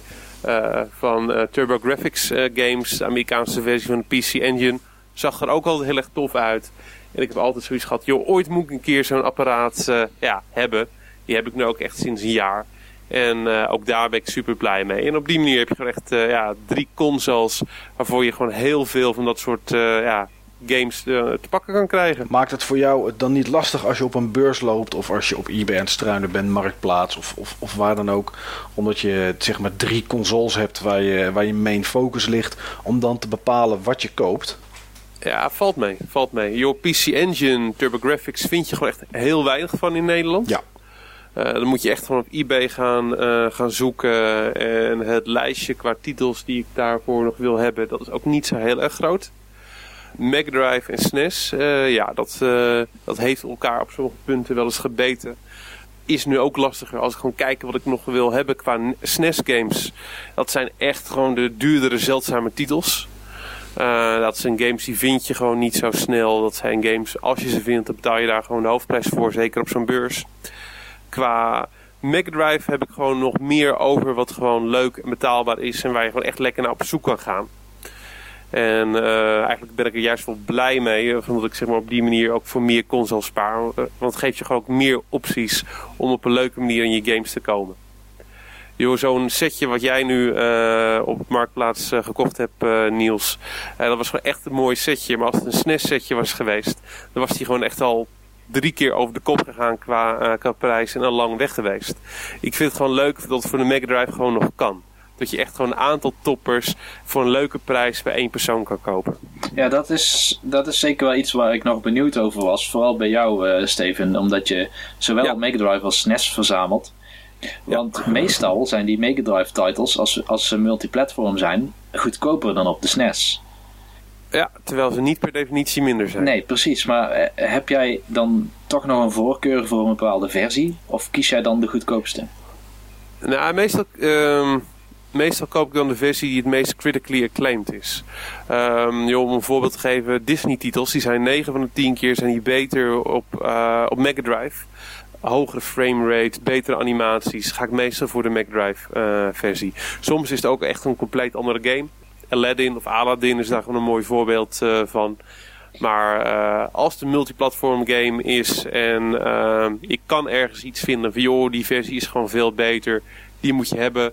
Of op basis van wat YouTube filmpjes zie ik gewoon dat de SNES versie er mooier uitziet. Of dat de Mega Drive versie sneller speelt. Ja, dan ga ik gewoon voor de versie waarvan ik het zelf het beste gevoel heb. Ik hoef ze niet per se allebei te hebben. Ik vind het echt persoonlijk zelfs onzin. Ja, en ook als er zeg maar, echt een gigantisch prijsverschil zit tussen een bepaalde versie van een game, dan heb ik zoiets van, joh, dan ga ik wel voor de iets goedkopere, als het elkaar weinig ontloopt. En soms is het ook maar net wat je tegenkomt. Welke versie het eerst? Stel, uh, stel en daar ben ik straks bij Niels ook wel benieuwd naar met zijn verzameling. Stel, je hebt een, je hebt een, een creditcard met een unlimited amount of pegels. En je oh, mag, dit wordt een mooie vraag. En je mag één ding kopen in je collectie dat je denkt, dat is echt iets wat ik nog zo graag wil hebben. Maar of te duur is, of wat je niet kan vinden, maakt niet uit. Welk item is dat? Ja, nou, voor mezelf weet ik dat dan wel. Oh, het zou ook heel ik... apart zijn als jij het ook voor Niels wist. Dus... ja, nou, weet ik kan ik er wel eentje bepalen. Ja, iets maar, met Monster Hunter. Ja, precies. Nee, ik, uh, als ik zeg maar ook onbeperkte ruimte had, wat ik niet heb, dan was het een uh, World of Nintendo kast. Okay. Die dingen vind ik gewoon echt ongekend gaaf. Het lijkt me echt super gaaf om uh, ja, in ieder geval de toppers uit mijn collectie op die manier uit te stallen. Ik ken ook een aantal mensen die zo'n ding hebben staan en het is gewoon echt super tof. Um, als het een game zou moeten zijn, dan ga ik toch voor uh, Mega Man X3. Ja, is gewoon een game die zo gigantisch uh, omhoog gegaan is qua prijs de laatste twee jaar gaan gewoon echt bizarre uh, prijzen voor op eBay. Uh, ja, de ronde op het moment dat zo'n ding er weer eens een keer staat. Het zij in een veiling. Het zij met een buy it now prijs. Ja, en dat is gewoon wel een game waarvan ik weet van joh, hij is heel erg goed. En ik wil hem gewoon wel heel graag hebben. Joh, nu ben ik zelf eigenlijk mezelf ook een beetje aan het tegenspreken. Want hij is ook verkrijgbaar op de Playstation. En op de Playstation is hij gewoon een stuk goedkoper dan op de SNES. Maar dit is wel een game uh, die ik graag op de SNES wil hebben. Juist omdat voor mij Mega Man gewoon een Nintendo-serie is. En alles wat ik zeg maar op, uh, op uh, Nintendo consoles kan krijgen, wil ik dan graag daarop hebben. Oké. Okay. Niels, jouw ja. focus uh, van je verzameling, ja, die? Dat is een goede vraag. Dat vraag ik mezelf ook wel eens af. Ik verzamel eigenlijk ja, de, de spellen die ik op dat moment wil spelen. Dus een, een week voordat zo'n beurs zich aandient, dan ga ik op YouTube kijken van welke spellen vond ik vroeger leuk om te doen. Of welke had ik, heb ik vroeger gemist en zou ik nu nog eens willen spelen. Ja, dan, dan hangt het er maar vanaf op, op welk platform het uitkwam. Maar het is wel zo dat ik, ik heb nu op dit moment wel een beetje hetzelfde probleem als Steven. Dat ik zowel de Make Drive als de Super Nintendo, ja, die zijn zwaar aan elkaar gewaagd. Hebben heel veel overlappende titels. En dan is het, ja, waar, waar ga ik die titel voor kopen? En ik denk dat omdat ik veel langer een Super Nintendo heb gehad, dat ik eerder geneigd ben om een SNES-versie te kopen dan een Mega Drive. Ik heb ook bijvoorbeeld een multitap voor de Super Nintendo. Ik heb daar al vier controllers voor. Voor Mega Drive zou ik nog waarschijnlijk allerlei dingen aan moeten schaffen om, uh, om hetzelfde te kunnen doen. Dus ik denk dat, dat mijn focus misschien SNES is op het moment. Maar dat kan over een maand zomaar weer omgeslagen zijn naar iets anders. Ja, zeker. Ik bedoel, uh, vorig jaar was mijn focus absoluut NES. Nee, maar ik, een goed voorbeeld is bijvoorbeeld afgelopen beurs in, uh, in Deurne. Toen uh, was ik op zoek naar het spel Lemmings 2. Maar Lemmings 2 was een titel die ik wel op PC heb gehad vroeger, maar nu niet meer in mijn bezit heb. En ik heb op de beurs in Deurne ben ik hem tegengekomen voor de Mega Drive en voor de SNES bij uh, Steven. En de SNES-versie was een stuk duurder. En toch heb ik die versie gekocht eigenlijk weer vanwege die reden van, nou, ik heb, een, ik heb al redelijk veel op de Super Nintendo. Bij de Mega Drive ben ik echt pas net begonnen. Ik ben nog heel erg aan het cherrypicken wat Mega Drive betreft. Ja. Ik heb ook drie SNES'en staan bijvoorbeeld. Dus gaat er eentje kapot, pak ik de volgende SNES. Er kan maar niet zoveel gebeuren met dat platform. Dus Nee. het is eh, ja, echt een... De, de reden is, ik heb er gewoon veel controllers voor. Oké. ja, grappig, want ik weet het niet 100% zeker, maar volgens mij is Lemmings op de Mega Drive dus Ja, al. beter. Eh, draait, draait hij in een iets hogere resolutie. En eh, ja, is die volgens mij ook gebaseerd op de Amiga-versie. En eh, heb je op veel games bij de Mega Drive. Mega Drive en Amiga hebben nou, volgens mij een redelijk vergelijkbare processor. En vandaar dat het gewoon eh, ja, makkelijk was om die dingen te poorten. En ik weet in ieder geval sinds deze week van dat hij ook werkt met de eh Mega Drive muis. Dus ook gewoon een leuke manier om op die manier te spelen. Ik weet niet of dat ook bij de Super Nintendo versie zo is, van dat hij werkt met die ja, Nou, Mario ja, Paint nog één reden trouwens. Ik heb Lemmings de eerste voor de Super Nintendo. En vaak probeer ik wel op hetzelfde Oh, oké. systeem eh, eh, een, een serie af te maken. Ja, Precies, serie af te maken. Nou, dat is wel Ja, dat is begrijpelijk wel leuk. dat je hem inderdaad daarvoor haalt. En eh, dezelfde, dezelfde vraag is voor Steve. Als je één, één item mag kopen, maakt niet uit welke, onvindbaar of niet, en unlimited amount of money. Voor Niels. Nee, voor, eh, ja, voor jou? Ehm, als ik daar rekening mee zou houden van het maakt niet uit wat het kost, dan denk ik dat ik een mooi arcade cabinet koop. Zo eentje, zo'n Japanse, waar je met z'n twee achter kan zitten. Op van die stoeltjes en zo. En het liefst Ja. met, eh, met, met een aantal printplaten erin. Ik, ik weet niet of dat, dat mag. Of dat je dat goedkeurt. Maar er zitten dan, wat, laten we zeggen, vier spellen in. Alle, allemaal beat-em-ups, overigens. Beat-em-ups. Ja, precies. Ja, nee, ja, ik keur het allemaal goed. Het is eh, jouw unlimited Ja. Maar eerlijk gezegd eh, vind ik het realistischer. Tenminste, dat is wel iets wat ik nog in mijn achterhoofd heb. Ik zou Banjo-Tooie nog wel eens willen kopen. Oké. Nou, daar heb je maar een bescheiden unlimited amount voor, of money voor, eh, voor nodig.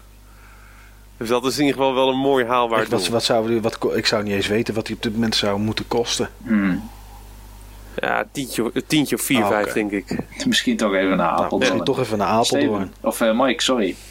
Ja, ja mijn eh, focus ehm, ligt op dit moment puur bij de PlayStation 1. Geen gameserie, geen eh, bepaalde type games. Niet games die ik vroeger heb gespeeld, maar gewoon alles. Mijn doel is om een complete PAL eh, set bij elkaar te krijgen. Nou, dan zou je zeggen van oké, hoeveel games zitten, daar, zitten daarin? Da- Ja, daar zijn de meningen een beetje over verdeeld. Ik hou altijd aan zo'n 1740 plus.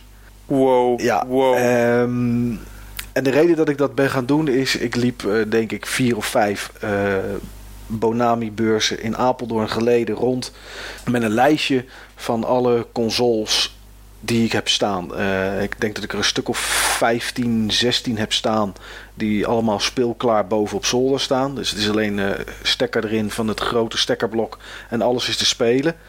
En daar was ik lijstjes gaan maken van wat wil ik voor de NES, wat wil ik voor de SNES, voor de MSX, voor de Vectrex, voor de ColecoVision, voor de Nintendo 64, voor de Cube, nou alles. Overal was ik gaan kijken met welke games heb ik toen gespeeld op het apparaat. Welke games staan er hoog aangeschreven die leuk zijn. En ja, daar liep ik op mijn telefoon met een lijst rond van ongeveer vier A4'tjes denk ik dat het was. Ehm, met wat ik, wat ik wilde verzamelen. Nou, ik had een beperkt bedrag aan geld bij me. En ik werd helemaal gek van mezelf. Want ik liep daar rond en ik dacht, oké, hier ligt dat en daar ligt dat. Ik kon gewoon geen keuze maken. Nou, ik ben die dag ook weggegaan, volgens mij eh, met, met drie of vier gamepjes en, eh, en, en dat was het. En toen ben ik eens gaan nadenken van, ja goed, dit schiet op deze manier schiet het niet op. Ik, ik moet me gewoon ergens op gaan focussen. Nee, toen was het heel simpel. Toen heb ik nagedacht welke console heb ik in al die jaren de meeste plezier aan beleefd en de meeste tijd ingestoken. Ja, toen kwam ik toch al heel snel uit bij de PlayStation 1. Eh, daarbij komend eh, vind ik ook dat daar heel veel reeksen qua games eh, op begonnen zijn, dan wel ge-enhanced zijn, zoals we ze vandaag de dag nog zien. Eh, neem een Ridge Racer, iets wat op de PlayStation begon, dat is er vandaag de dag nog steeds. Eh, we kregen natuurlijk games als, eh, nou god, Crash Bandicoot. allemaal games die zeg maar wat betekend hebben. Die hebben, hebben ze allemaal natuurlijk. Hè. De NES heeft die ook en, en, en, en de SNES ook. Maar voor mij vooral de games ja, op de PlayStation 1. eh, ja, dat is puur waar mijn uh, focus ligt. Het is een leuke focus, omdat er uh, behoorlijk wat van te vinden is. Iedereen, zeker op beurzen, heeft wel iets liggen. Dat is ook gelijk het nadeel. Ook op Palrox krijg ik regelmatig berichtjes met: hey, ik heb hier nog PlayStation games liggen. En dat is dan niet één of twee mensen die dat doen, maar dat zijn er soms een stuk of zes, zeven tegelijkertijd. En alles wat je niet hebt, wil je hebben omdat je die verzameling compleet wil hebben. Maar ja, goed, er zit een bepaald eh, budget zit, er, zit eraan vast. Dus het is soms ook frustrerend. En ik begin nu langzaam op het punt te komen dat die frustratie weg hebt. Ik zit inmiddels op de 450 stuks. En als mensen dus aankomen met, uh, ik heb er 20 voor je, dan uh, zijn er tegenwoordig maar een stuk of 5, 6 die ik dan niet heb. En ik weet dat het nog een lange weg te gaan is, want ik zit pas, ik zit pas op een vierde. Maar ja, ik vind het enorm gaaf om, om het te verzamelen. En je kan ze ook regelmatig nog in zeer goede staat terugvinden. Nadeel is dat het natuurlijk cd-doosjes zijn, iets dikker dan normaal. En er zitten dus heel veel met barsten en scheuren in. Maar nou goed, die zijn wel te vervangen voor, voor de dubbele die je soms in, in setjes binnenkrijgt. En speel je, want je hebt dus duidelijk echt heel veel titels, 450. Dat, volgens mij is dat bijna net zoveel als de complete Paul Ness uh, collectie. Ja, ik weet niet hoeveel dat er zijn, maar volgens mij is dat minder of niet. Weet iemand het uit zijn hoofd? Dat is iets minder. Ja. Dat is iets minder. Het zit wel in die orde volgens ja, mij. Ik dacht dat het er 380 of zo waren, zeg ik even maar. Ja, ja, ja, zoiets inderdaad, ja. Ja, of, uh, ik vraag me dus af, als je zo verschrikkelijk veel spellen hebt en er komen er zoveel bij, want het is, zoals ik nou begrijp, je bent redelijk recent eraan begonnen. Uh, ja, volgens mij nog geen jaar dat ik op dit Nog moment... geen jaar. En dan heb je 450 spellen. En um, uh, ja, kom je toe aan, uh, aan het spelen? Of, Nee. Nou, dat is. ik vraag me af waarom ik nee zeg, want het antwoord is eigenlijk overduidelijk. Uh, nee, het is puur het verzamelen voordat ik het, dat ik het erg gaaf vind om, om de collectie compleet te hebben er zijn best wel veel titels die ik, die ik in mijn tijd niet gehad heb. Ik bedoel, ik kon ze niet allemaal hebben. En er zijn ook nog steeds titels die ik in mijn handen krijg. Ik denk, die ken ik helemaal niet. En dan, eh, die worden sowieso gespeeld. Omdat ik sowieso he, uiteraard even wil kijken wat het precies was. Soms blijf je er dan in hangen. Dat je denkt van, hé, hey, dit is best wel, uh, best wel een toffe game. Um, maar ik heb wel een lijstje met games die ik graag nog een keertje opnieuw wil spelen. Of die ik nooit gehad heb en nu wil, en nu wil spelen. Uh, nou ja, Old World is daar zo'n zo'n reeks van. Die wil ik gewoon opnieuw spelen. Final Fantasy 7 wil ik nog een keertje uitspelen. Want dat was toch voor mij wel de titel die me echt het RPG-genre introk. En die heb ik laatst eventjes erin gedaan om eventjes weer de intro te bekijken en te horen. Kan ook op YouTube, weet ik. Maar dat is niet zo, niet zo fijn en prettig als dat je het gewoon in je Playstation stopt. En toen dacht ik, oh ja, heel even spelen. En toen was ik ineens weer 2,5, 3 uur verder. Terwijl dat totaal niet de bedoeling was. Maar ook titels bijvoorbeeld als uh, Kingsfield. Dat is de, de voorloper van de nu bekende uh, Demon Souls en uh, Dark Soul reeks dat werd op de PlayStation uitgebracht als Kingsfield. En dat is. Uh, ja, dan wil ik toch die voorloper ook graag een keer gespeeld hebben. Net zoals dat ik vind dat je Medal of Honor op de PlayStation 1 een keer gespeeld moet hebben. Omdat het volgens mij, maar goed, moet ik even, even kijken of dat klopt. De eerste first-person shooter op de PlayStation 1 was. Maar ik ben er niet 100% zeker van. Maar volgens mij is, is dat de eerste. Is volgens mij wel echt de eerste ja, goeie. En ja, goed, dus dat is dat is iets dat ik denk van ja, dat wil je toch wel even gespeeld hebben. Dus op, op die manier ga ik zeg maar met mijn titels om. En uh, van de 450 titels zitten er ook dubbele tussen.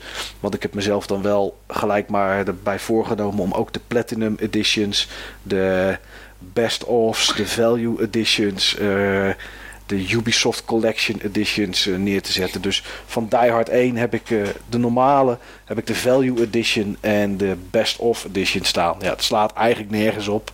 Want ik ga, die, ik, ga, ik ga de normale niet eens spelen, want zo goed vond ik die game niet. Maar voor het verzameloogpunt ja. Uh, ja, wil ik ze wel hebben. Ah, grappig. Dat je ook nog eens een keertje voor al die varianten ja, ja, gaat. Ik, ik denk dat, dat ik tof. daarna, als ik, nou goed, als ik ze tegenkom, neem ik ze nu al mee. Maar als je bijvoorbeeld naar FIFA, zeg ik even uit mijn hoofd, 98 of 99 kijkt, hadden wij hier in Nederland de versie waar Dennis Bergkamp voorop, uh, voorop de hoe stond. Ja, Engeland klopt. had, nou misschien Paul Gascoigne of zo, ik weet niet precies wie erop stond. Die had weer iemand anders erop en in Frankrijk weer iemand anders. Nou ja, goed, als ik die tegenkom is het leuk. Dan eh, neem ik die ook nog, eh, ook nog mee. En eh, mocht mijn verzameling ooit een keer compleet zijn en ik heb die niet, nou dan is dat het eerste eh, varianten waarvoor ga. Bijvoorbeeld of- of, de Duitse eh Who Wants to be a Millionaire. Het is inderdaad FIFA 99 met Dennis Berg. Ik heb hier het eh, Nintendo 64 doosje voor me. Ja, ja, nou ja, precies. Dus, en da- daar zijn dan drie of vier verschillende covers. Voor de rest is de game hetzelfde. Ga ik hem waarschijnlijk ook nooit spelen. Maar ik vind het wel leuk om hem te hebben. Joh, daar gaat het toch om ja, eh, nee, met iedereen verzamelen. verzamelt natuurlijk voor een ander doel. Ik bedoel, de een verzamelt echt de games. Hè, net zoals jullie. Jullie kijken meer naar de game die je graag wil hebben. Of die je ooit gehad had en die je nog een keer wil spelen. Eh, en de ander verzamelt natuurlijk. Je hebt ook mensen die natuurlijk eh, games alleen maar sparen als ze gesealed zijn. En die zetten ze gesealed neer en die gaan nooit open. Nou ja, goed. eh, ieder zijn plezier. Al vind ik dat dan zonde. Want ik heb zoiets games die heb je toch om te spelen als je dat wil. Maar, eh, maar ja, goed. Als je, Vind ik ook. ik heb, het, eh, ik heb ervoor gekozen om het op deze manier te doen. En daarbij dan ja, alle promomateriaal en dat soort dingen die erbij komen. De demopot heb ik staan. En de twee PlayStation van die lampen die vroeger in de winkels hingen. Eh, dat vind ik leuk om dat, er, eh, om dat erbij eh, bij te verzamelen. Nog een vraag trouwens over zeg maar, Ja. hetgeen waar je naartoe werkt.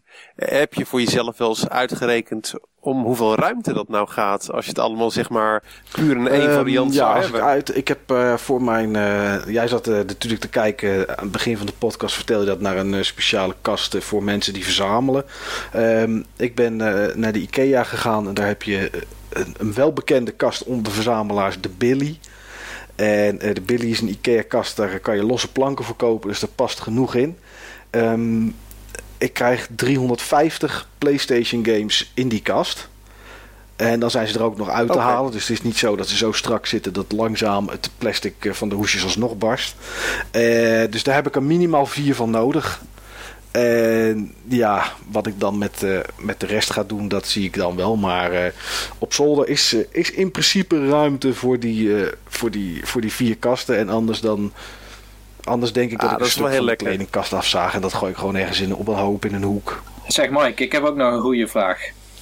ja, maar. goede oplossing toch? Ja, ik heb een, een vraag omdat jij de enige eh, completionist eh, van ons drieën bent. Je, bent echt, je streeft naar een, eh, naar een complete collectie van PAL games. En eh, het volgende onderwerp gaat toevallig over Ja. een, ehm, een SNES game op Kickstarter. Die eigenlijk uit de homebrew Ja. scene komt, maar nu wel echt al vervaardigd wordt als cartridge die je kan kopen. En ik vroeg me af, vind je dat zo'n homebrew game of bijvoorbeeld eh, repro's, of dat die ook een, een plaats hebben in een complete collection? Niet in mijn complete collection in ieder geval. Ik, voor, voor mijn gevoel eh, wil ik hem alleen in mijn collectie hebben als er een, eh, een echte code aan zit, zoals die vroeger door, door, door Sony werd uitgegeven. Eh, games van de PlayStation 1 beginnen met SLES of SCES. En eh, SCES als ze door Sony, door Sony uitgegeven zijn. SLES als ze gewoon eh, third-party eh, uitgevers zijn, eh, zijn gebracht. op de markt gebracht zijn. En ik. nee, het is voor mij niet een doel om ook homebrew games voor de, voor de PlayStation 1 eh, in mijn collectie te hebben. Want dan weet ik dat er uit Rusland heel veel soort video-cd-achtige games iets zijn gekomen met. Nou ja, amateur porno eh videootjes en weet ik veel wat allemaal. En nou, om die ook allemaal te gaan verzamelen.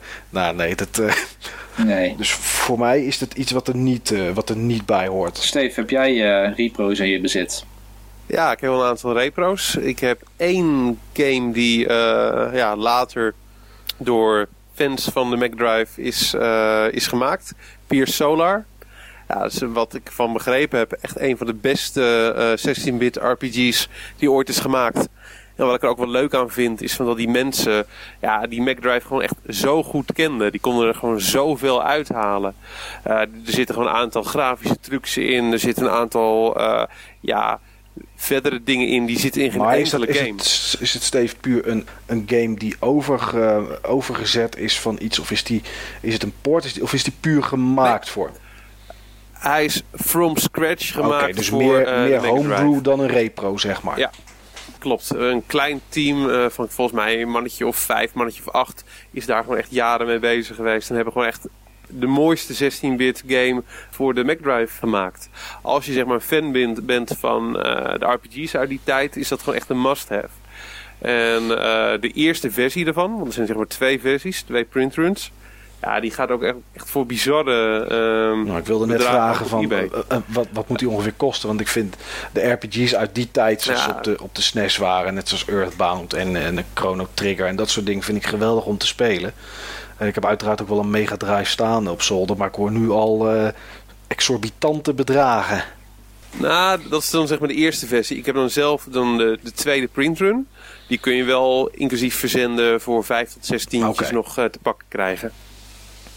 Dat is dan En nog wel werkt leuk. die dan ook op onze Mega Drive of hebben we dan een Genesis nodig of een eh, converter? Nee, nee, sterker nog, hij eh, draait op alle eh, drie de varianten van, van de Mega Drive. Zowel de Amerikaanse, de Japanse als de Europese.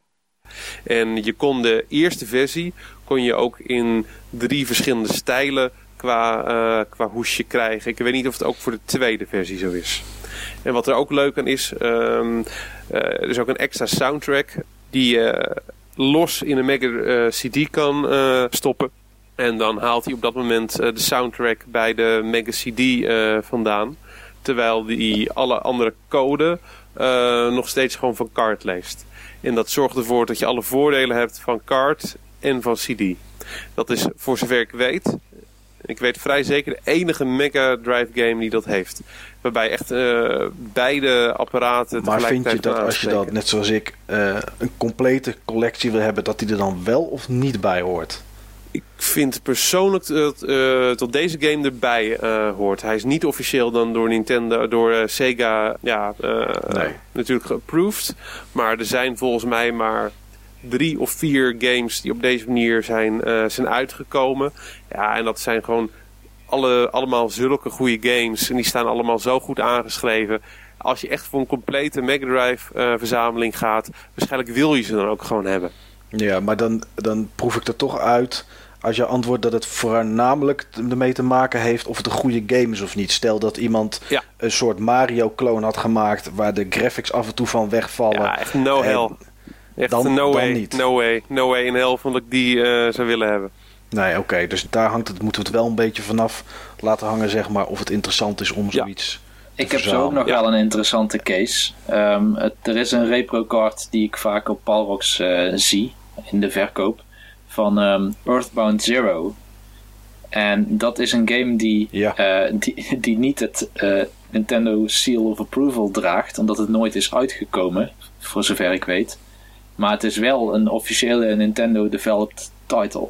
Ja, Ja, god, ja, dat hangt er een beetje vanaf inderdaad hoe je er naar kijkt. Ik zou hem, ik zou hem wel eh, eh, willen hebben, maar dat hangt dan met twee dingen samen. Omdat het eh, waarschijnlijk wel een erg goede RPG is. Dus hetzelfde beetje waar, eh, waar Steven het net over had. Van ja, als het een goede game is, eh, net zoals die Mega Drive RPG, dan is het wel interessant om hem te verzamelen. Maar ik, het zou niet, stel dat ik alle titels heb en die mis, dan zou ik niet zeggen van mijn collectie is nu nog niet compleet, want ik mis eh, Ja. eh, Earthbound Zero. joh, je kan hem altijd, ook altijd krijgen. Dat is echt gewoon, eh, joh, ik vind ook niet helemaal hetzelfde met die game die ik net eh noemde. Eh, die Earthbound Zero, die heeft geen officiële printrun. En die Pier Solar, die heeft gewoon echt een officiële printrun van dat eh, team. Is echt gewoon een gelimiteerd aantal van.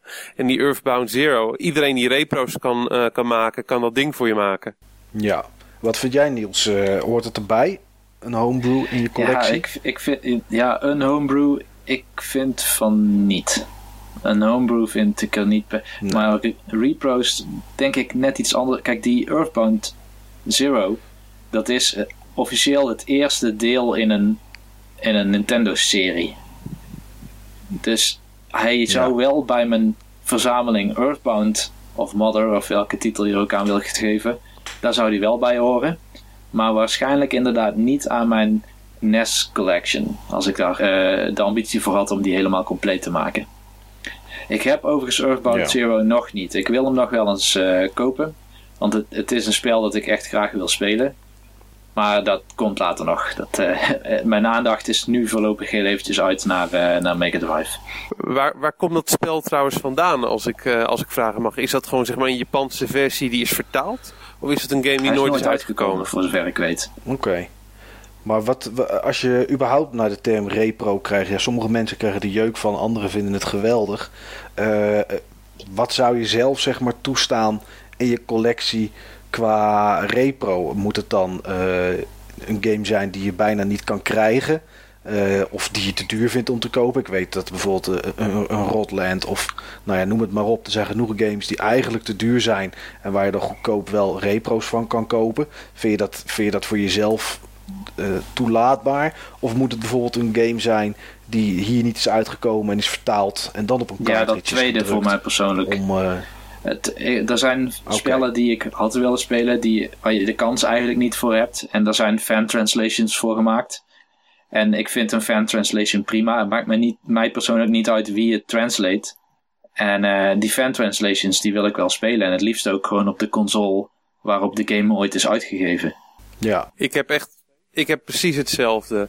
Uh, joh, uh, er zijn gewoon zoveel mooie games die zijn blijven hangen in uh, ja, puur het Japanse taalgebied en nooit in een Engelstalige versie zijn verschenen. Joh, ik was vroeger ook altijd gigantisch fan van Secret of Mana, ben ik nog steeds. Secret of Mana 2, Seiken de Netsu 3, nooit officieel uitgekomen. Wel gewoon vroeger al uh, plaatjes zien staan van de Japanse versie in de game magazines van, uh, van toen. Ik zat gewoon echt uit te kijken naar wanneer die game uit zou, komen. Nooit gebeurd.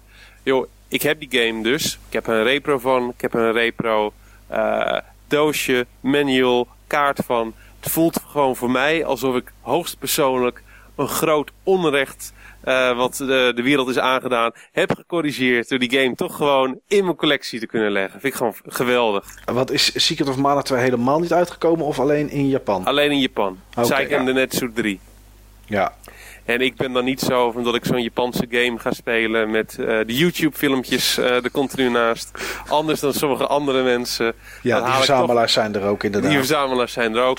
Maar uh, ja, ik vind het gewoon een game waarvan ik er zelf heel veel plezier van heb, van dat ik op die manier heb. Hetzelfde heb ik ook met Star Fox 2. Dat is dan een game uh, in de sfeer van die Earthbound Zero. Is gewoon nooit verschenen. Uh, Nintendo had hem voor 90% af, 95% af.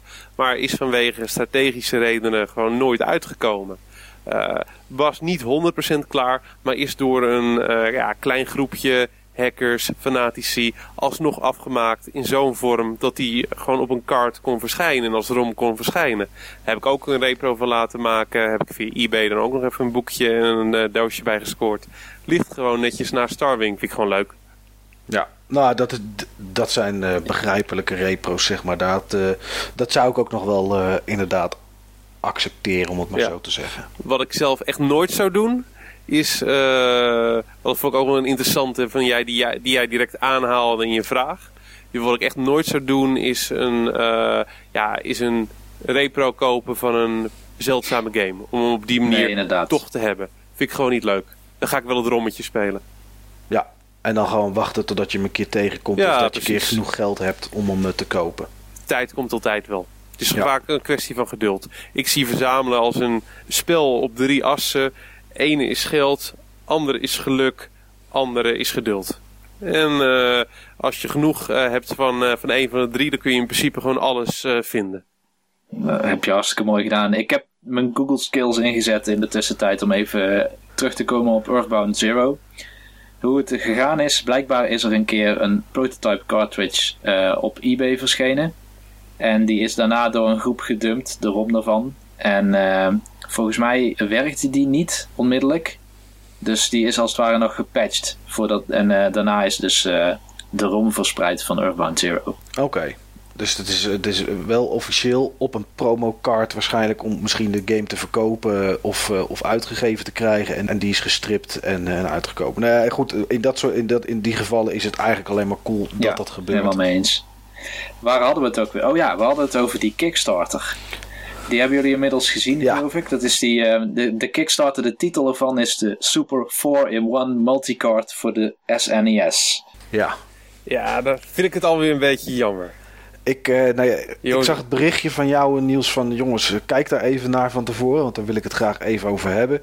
En wat ik dacht toen ik deze naam zag, uh, was dat het een kaart was waar je eventueel een, een SD-kaartje in kon stoppen of wat dan ook, om op die manier uh, vier games waarom, waarom ik dat dacht, ik bedoel, een SD-kaartje zou veel meer kunnen, maar dat het zo'n soort systeem was om NES games, om SNES games uh, te kunnen spelen.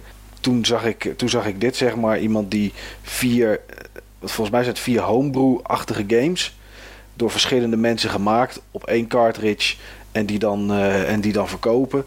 Uh, voor mij is dat een nee dat is niet iets wat ik zou willen hebben. Is dat vanwege de, de, de, spellen die erop staan of vanwege het idee dat het homebrew is en dat je daarvoor betaalt nou, eigenlijk? Nou, ik zou het niet erg vinden om voor homebrew te betalen. Want ik bedoel, uh, neem bijvoorbeeld een, een, om even een stapje opzij te maken, een game als Bastion. Ik weet niet of een van jullie die gespeeld heeft. Uh, die is uitgegeven door Warner Brothers. Maar dat was eigenlijk door acht man is dat in een huis gemaakt. En dan is het voor mij eigenlijk ook een homebrew die toevallig dan opgepikt wordt. Dus ik, ik zou geen probleem hebben om, om geld uit te geven aan, aan, aan homebrew als het goed is. Alleen had ik het systeem graag anders gezien. Uh, ik had het leuk gevonden als er een manier was dat je bijvoorbeeld pakketjes van vier games later ook weer kon downloaden en um, in die kaart zou kunnen stoppen of wat dan ook. Dan begrijp ik dat het gelijk voor illegale doeleinden gebruikt kan worden. Maar laten we even van de goedheid van de mens uitgaan. Want nu zijn het deze vier games. Misschien mhm. vind ik er eentje leuk. En wat nou als dit goed verkoopt en deze man denkt over een half jaar: hey, ik heb uh, drie mensen die mij ook een gamepje hebben aangeboden. Ik maak weer zo'n kaart. Dat is een beetje wat mij een beetje tegen de borst stuit. Dat ik had het mooier gevonden als hij een systeem had bedacht waarbij uh, homebrew games die hij bijvoorbeeld uitgeeft op een apart formaat of wat dan ook te spelen zouden kunnen zijn. Uh, ja, ik, ik, ik begrijp wel wat je bedoelt. Ik vind het trouwens apart wel dat je met het Bastion voorbeeld kwam. Bastion vind ik niet homebrew, dat is gewoon indie. Dat, die titel was bedoeld om uit te geven. En uh, deze games die, die op die 4-in-1 multicard komen, daar is het doel volgens mij nooit bij geweest dat die verkocht zouden worden. Of is, zijn het spellen. Het, nou, ik kan ernaast zitten hoor. Het kan zijn dat, uh, dat degene die die Kickstarter begonnen is, dat hij aan bepaalde mensen opdracht heeft gegeven om spellen te ontwikkelen voor de SNES. Het zijn bestaande games. Ik heb uh, de Kickstarter even doorgelezen. Het, het zijn games die al uit waren. Er zat er wel eentje tussen die, die leek me wel leuk om te spelen. Maar volgens mij kun je die al spelen, want het is een ZX Spectrum port. U-Wol heet het, geloof ik. Dat is een arcade title. Ja. Ja, dat leek mij de leukste van de vier ook. Ja, nee, ja voor, mij dit, voor mij is dit hem niet. Nee, voor mij persoonlijk ook niet hoor. Maar het, is, het leek me wel een interessante case om aan te dragen in de podcast. Ook omdat het volgens mij een Kickstarter is die pas deze maand gestart is. Misschien zijn er luisteraars die wel geïnteresseerd zijn in, in dit soort projecten. Ja, ik zag dat die wel een heel end al was. Uh, ik geloof dat ze nog 56 dagen mm -hmm. te gaan hebben. En ze zitten op de 6000 dollar er straks, zag ik. En ze moeten de 10 aantikken om, het, uh, om tot een goed einde te komen, zeg maar. Om de Kickstarter ook echt te gaan uitvoeren. Dus ik, nou, ik denk dat dat wel moet lukken in die, uh, in die tijd. Ja, gaat zeker lukken. Wat ik echt bizar vond was um, wat de gemiddelde bijdrage is uh, van die Kickstarter. Ja. Um, want er waren maar iets van 60 of 62 mensen of zo die dat bedrag met z'n allen hadden uh, ja, opgehoest.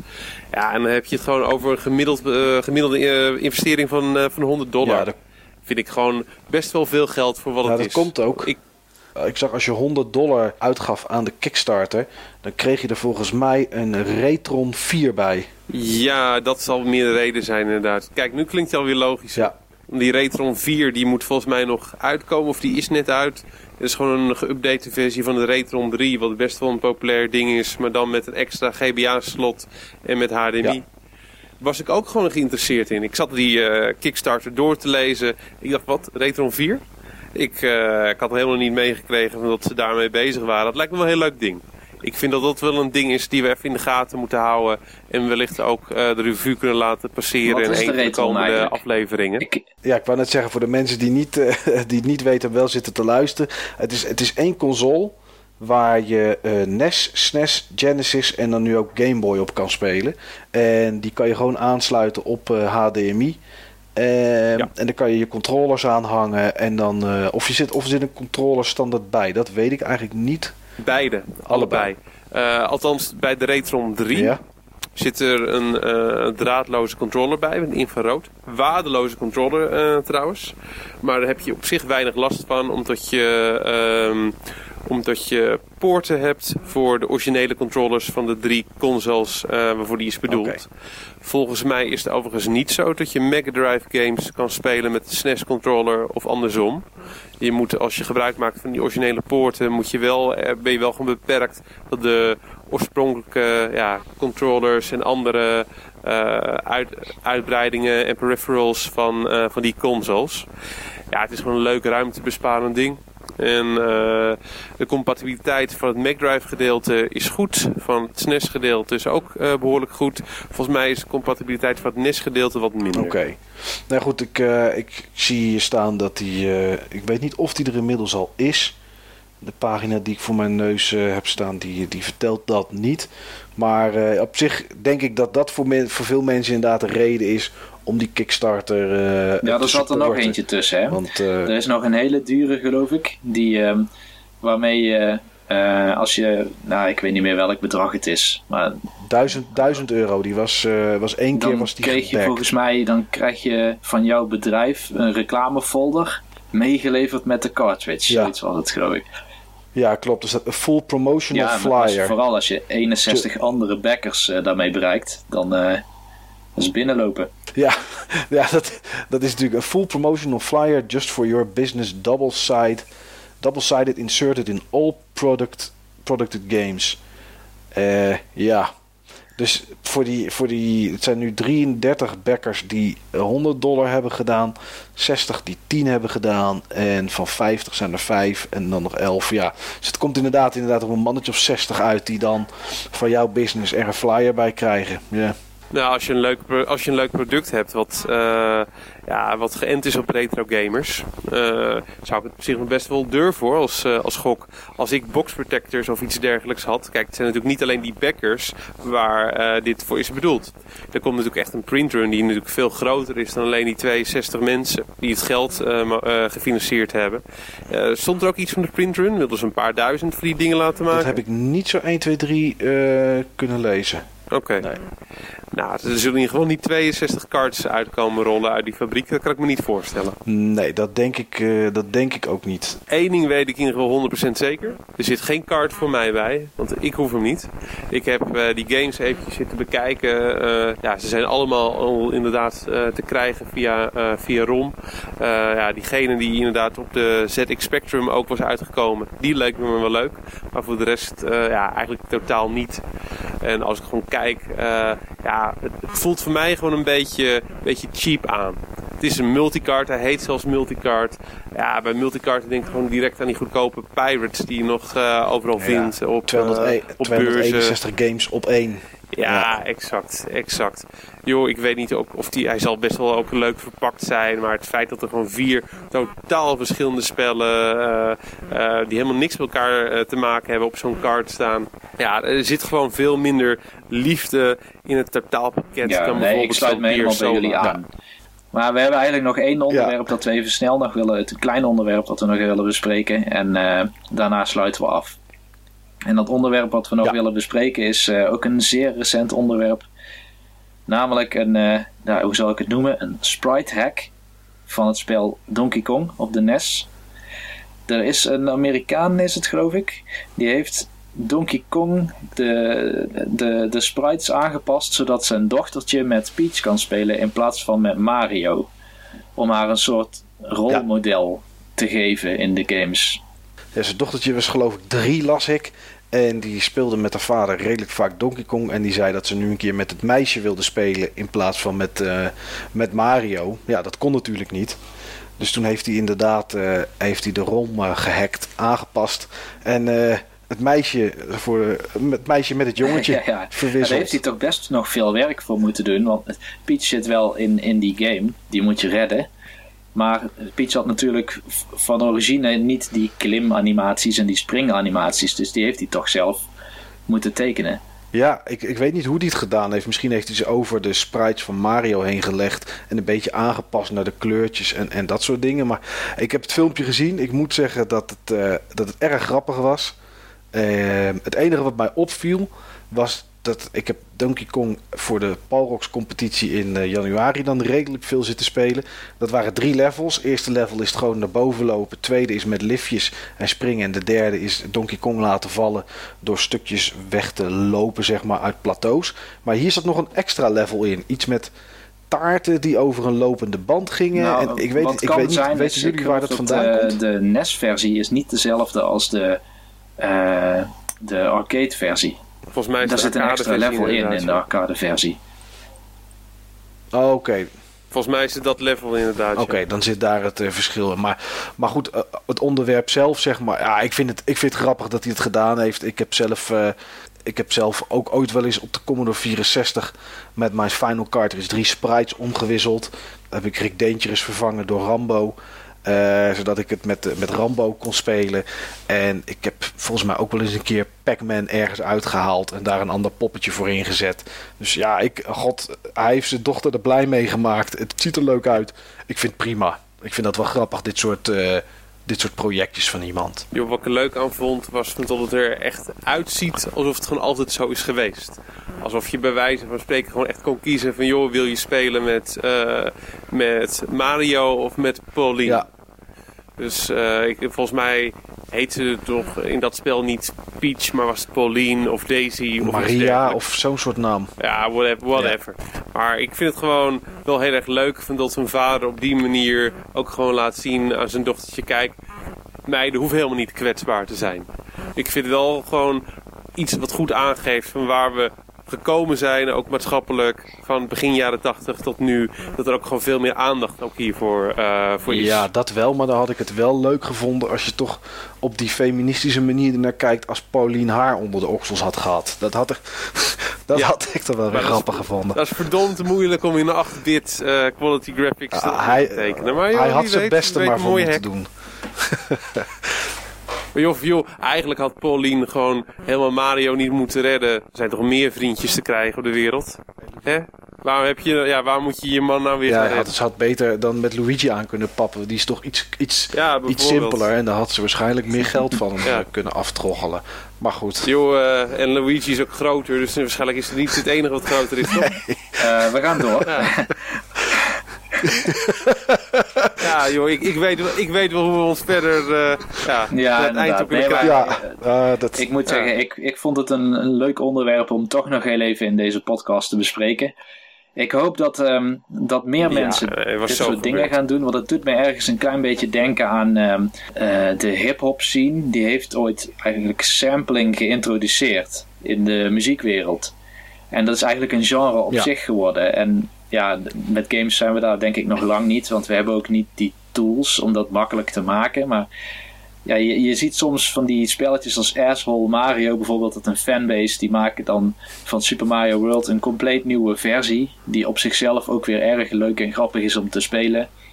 En eh, ja, er zit behoorlijk wat creativiteit, denk ik, in het, eh, in het eh, modden van bestaande games. ja. Mochten mensen hem trouwens zien, even op YouTube Donkey Kong Pauline Edition. Als ze daarop zoeken, dan, eh, dan krijg je het filmpje voor, eh, voor ogen. Oké, nou dan zijn we denk ik door onze onderwerpen heen voor deze eerste aflevering. Nou, ik denk, denk onderwerpen niet, maar wel tijd om het nog voor mensen beluisterbaar te houden. Want Ja, Joh, ja, ruimschoots, toch? ja, we hebben Ik hoop in ieder geval dat we iets hebben neergezet wat mensen ook gewoon leuk eh, vinden om, eh, ja, om te horen. En om wellicht ook in de toekomst ook zelf een bijdrage aan te leveren. Het zij met topics, Ja, het zij als. Want, eh, Ja. Daar willen we toch ook wel meer naartoe in volgende afleveringen. Dat we ook eh, andere mensen het woord geven die misschien meer weten van een bepaald onderwerp. Ja, zeker weten. En het, eh, Ja. nou ja, goed. We hebben het zelf wel gemerkt, ondanks dat we een soort van schema hadden voor deze podcast. Met eh, waar we het over willen hebben en waar ook eh, initieel wat minuten bij stonden waar we het ongeveer aan wilden besteden. We zijn echt alle kanten opgevlogen. Maar ik denk wel dat het voor de luisteraar leuk is, omdat het dan ook heel divers is. Maar goed, misschien zit ik er wel eh, gigantisch naast. En eh, zijn, wij, zijn het alleen onze moeders die naar deze podcast gaan luisteren. En dat is het. Joh, die van mij uh, doet waarschijnlijk de komende week niks anders dan dit gewoon continu horen. ik geef er gewoon een bandje wat ze dan zeg maar uh, ja, lekker op reverse kan ja. zetten. Mijn moeder is ook echt nog van, het, van de generatie bandjes. Dus, Auto-reverse, uh, cassettedek erbij. ja, ja, hoe we het bereikbaar kunnen maken ja. worden. Ook heel erg retro. Zeker toch? weten. Cassettebandjes met high-speed dubbing. En uh, Dolby B ruisonderdrukking en auto reverse. Inderdaad. Nou, we gaan in ieder geval ja. we gaan, uh, op uh, Palrox waarschijnlijk wel een topic plaatsen. Waarin we deze aflevering in de toekomst ook meerdere afleveringen zullen plaatsen. En daar hopen wij veel feedback op te ontvangen. En ideeën ja. om over te spreken. Ja, en mensen die hem op dit moment ja. helemaal geluisterd hebben, hulde dat jullie zo lang naar ons uh, konden en wilden luisteren. En uh, als je een bezoeker bent van Duimschroef, want daar zal ik hem ook op plaatsen. Uh, druk even in de comments wat beter of anders kan. En als je vindt dat alles anders moet, nou, dan moet je de volgende keer gewoon maar niet meer luisteren, denk ik. Inderdaad, dat is een mo mooie afsluiter, Mike. Ja, nou, dan wil ik jullie in ieder geval bedanken voor deze twee uur lang gezelligheid, mannen. En ja, toch, toch hier en daar, ook namens toch mij. En daar hier en daar nieuwe inzichten die ik misschien wel heb gekregen. Ja. Tot de volgende keer. Ik ben benieuwd hoe lang we dan gaan maken. Nou, nou gasten, wordt leuk om te ik doen. Ik ook. En ik zou zeggen tot de volgende keer.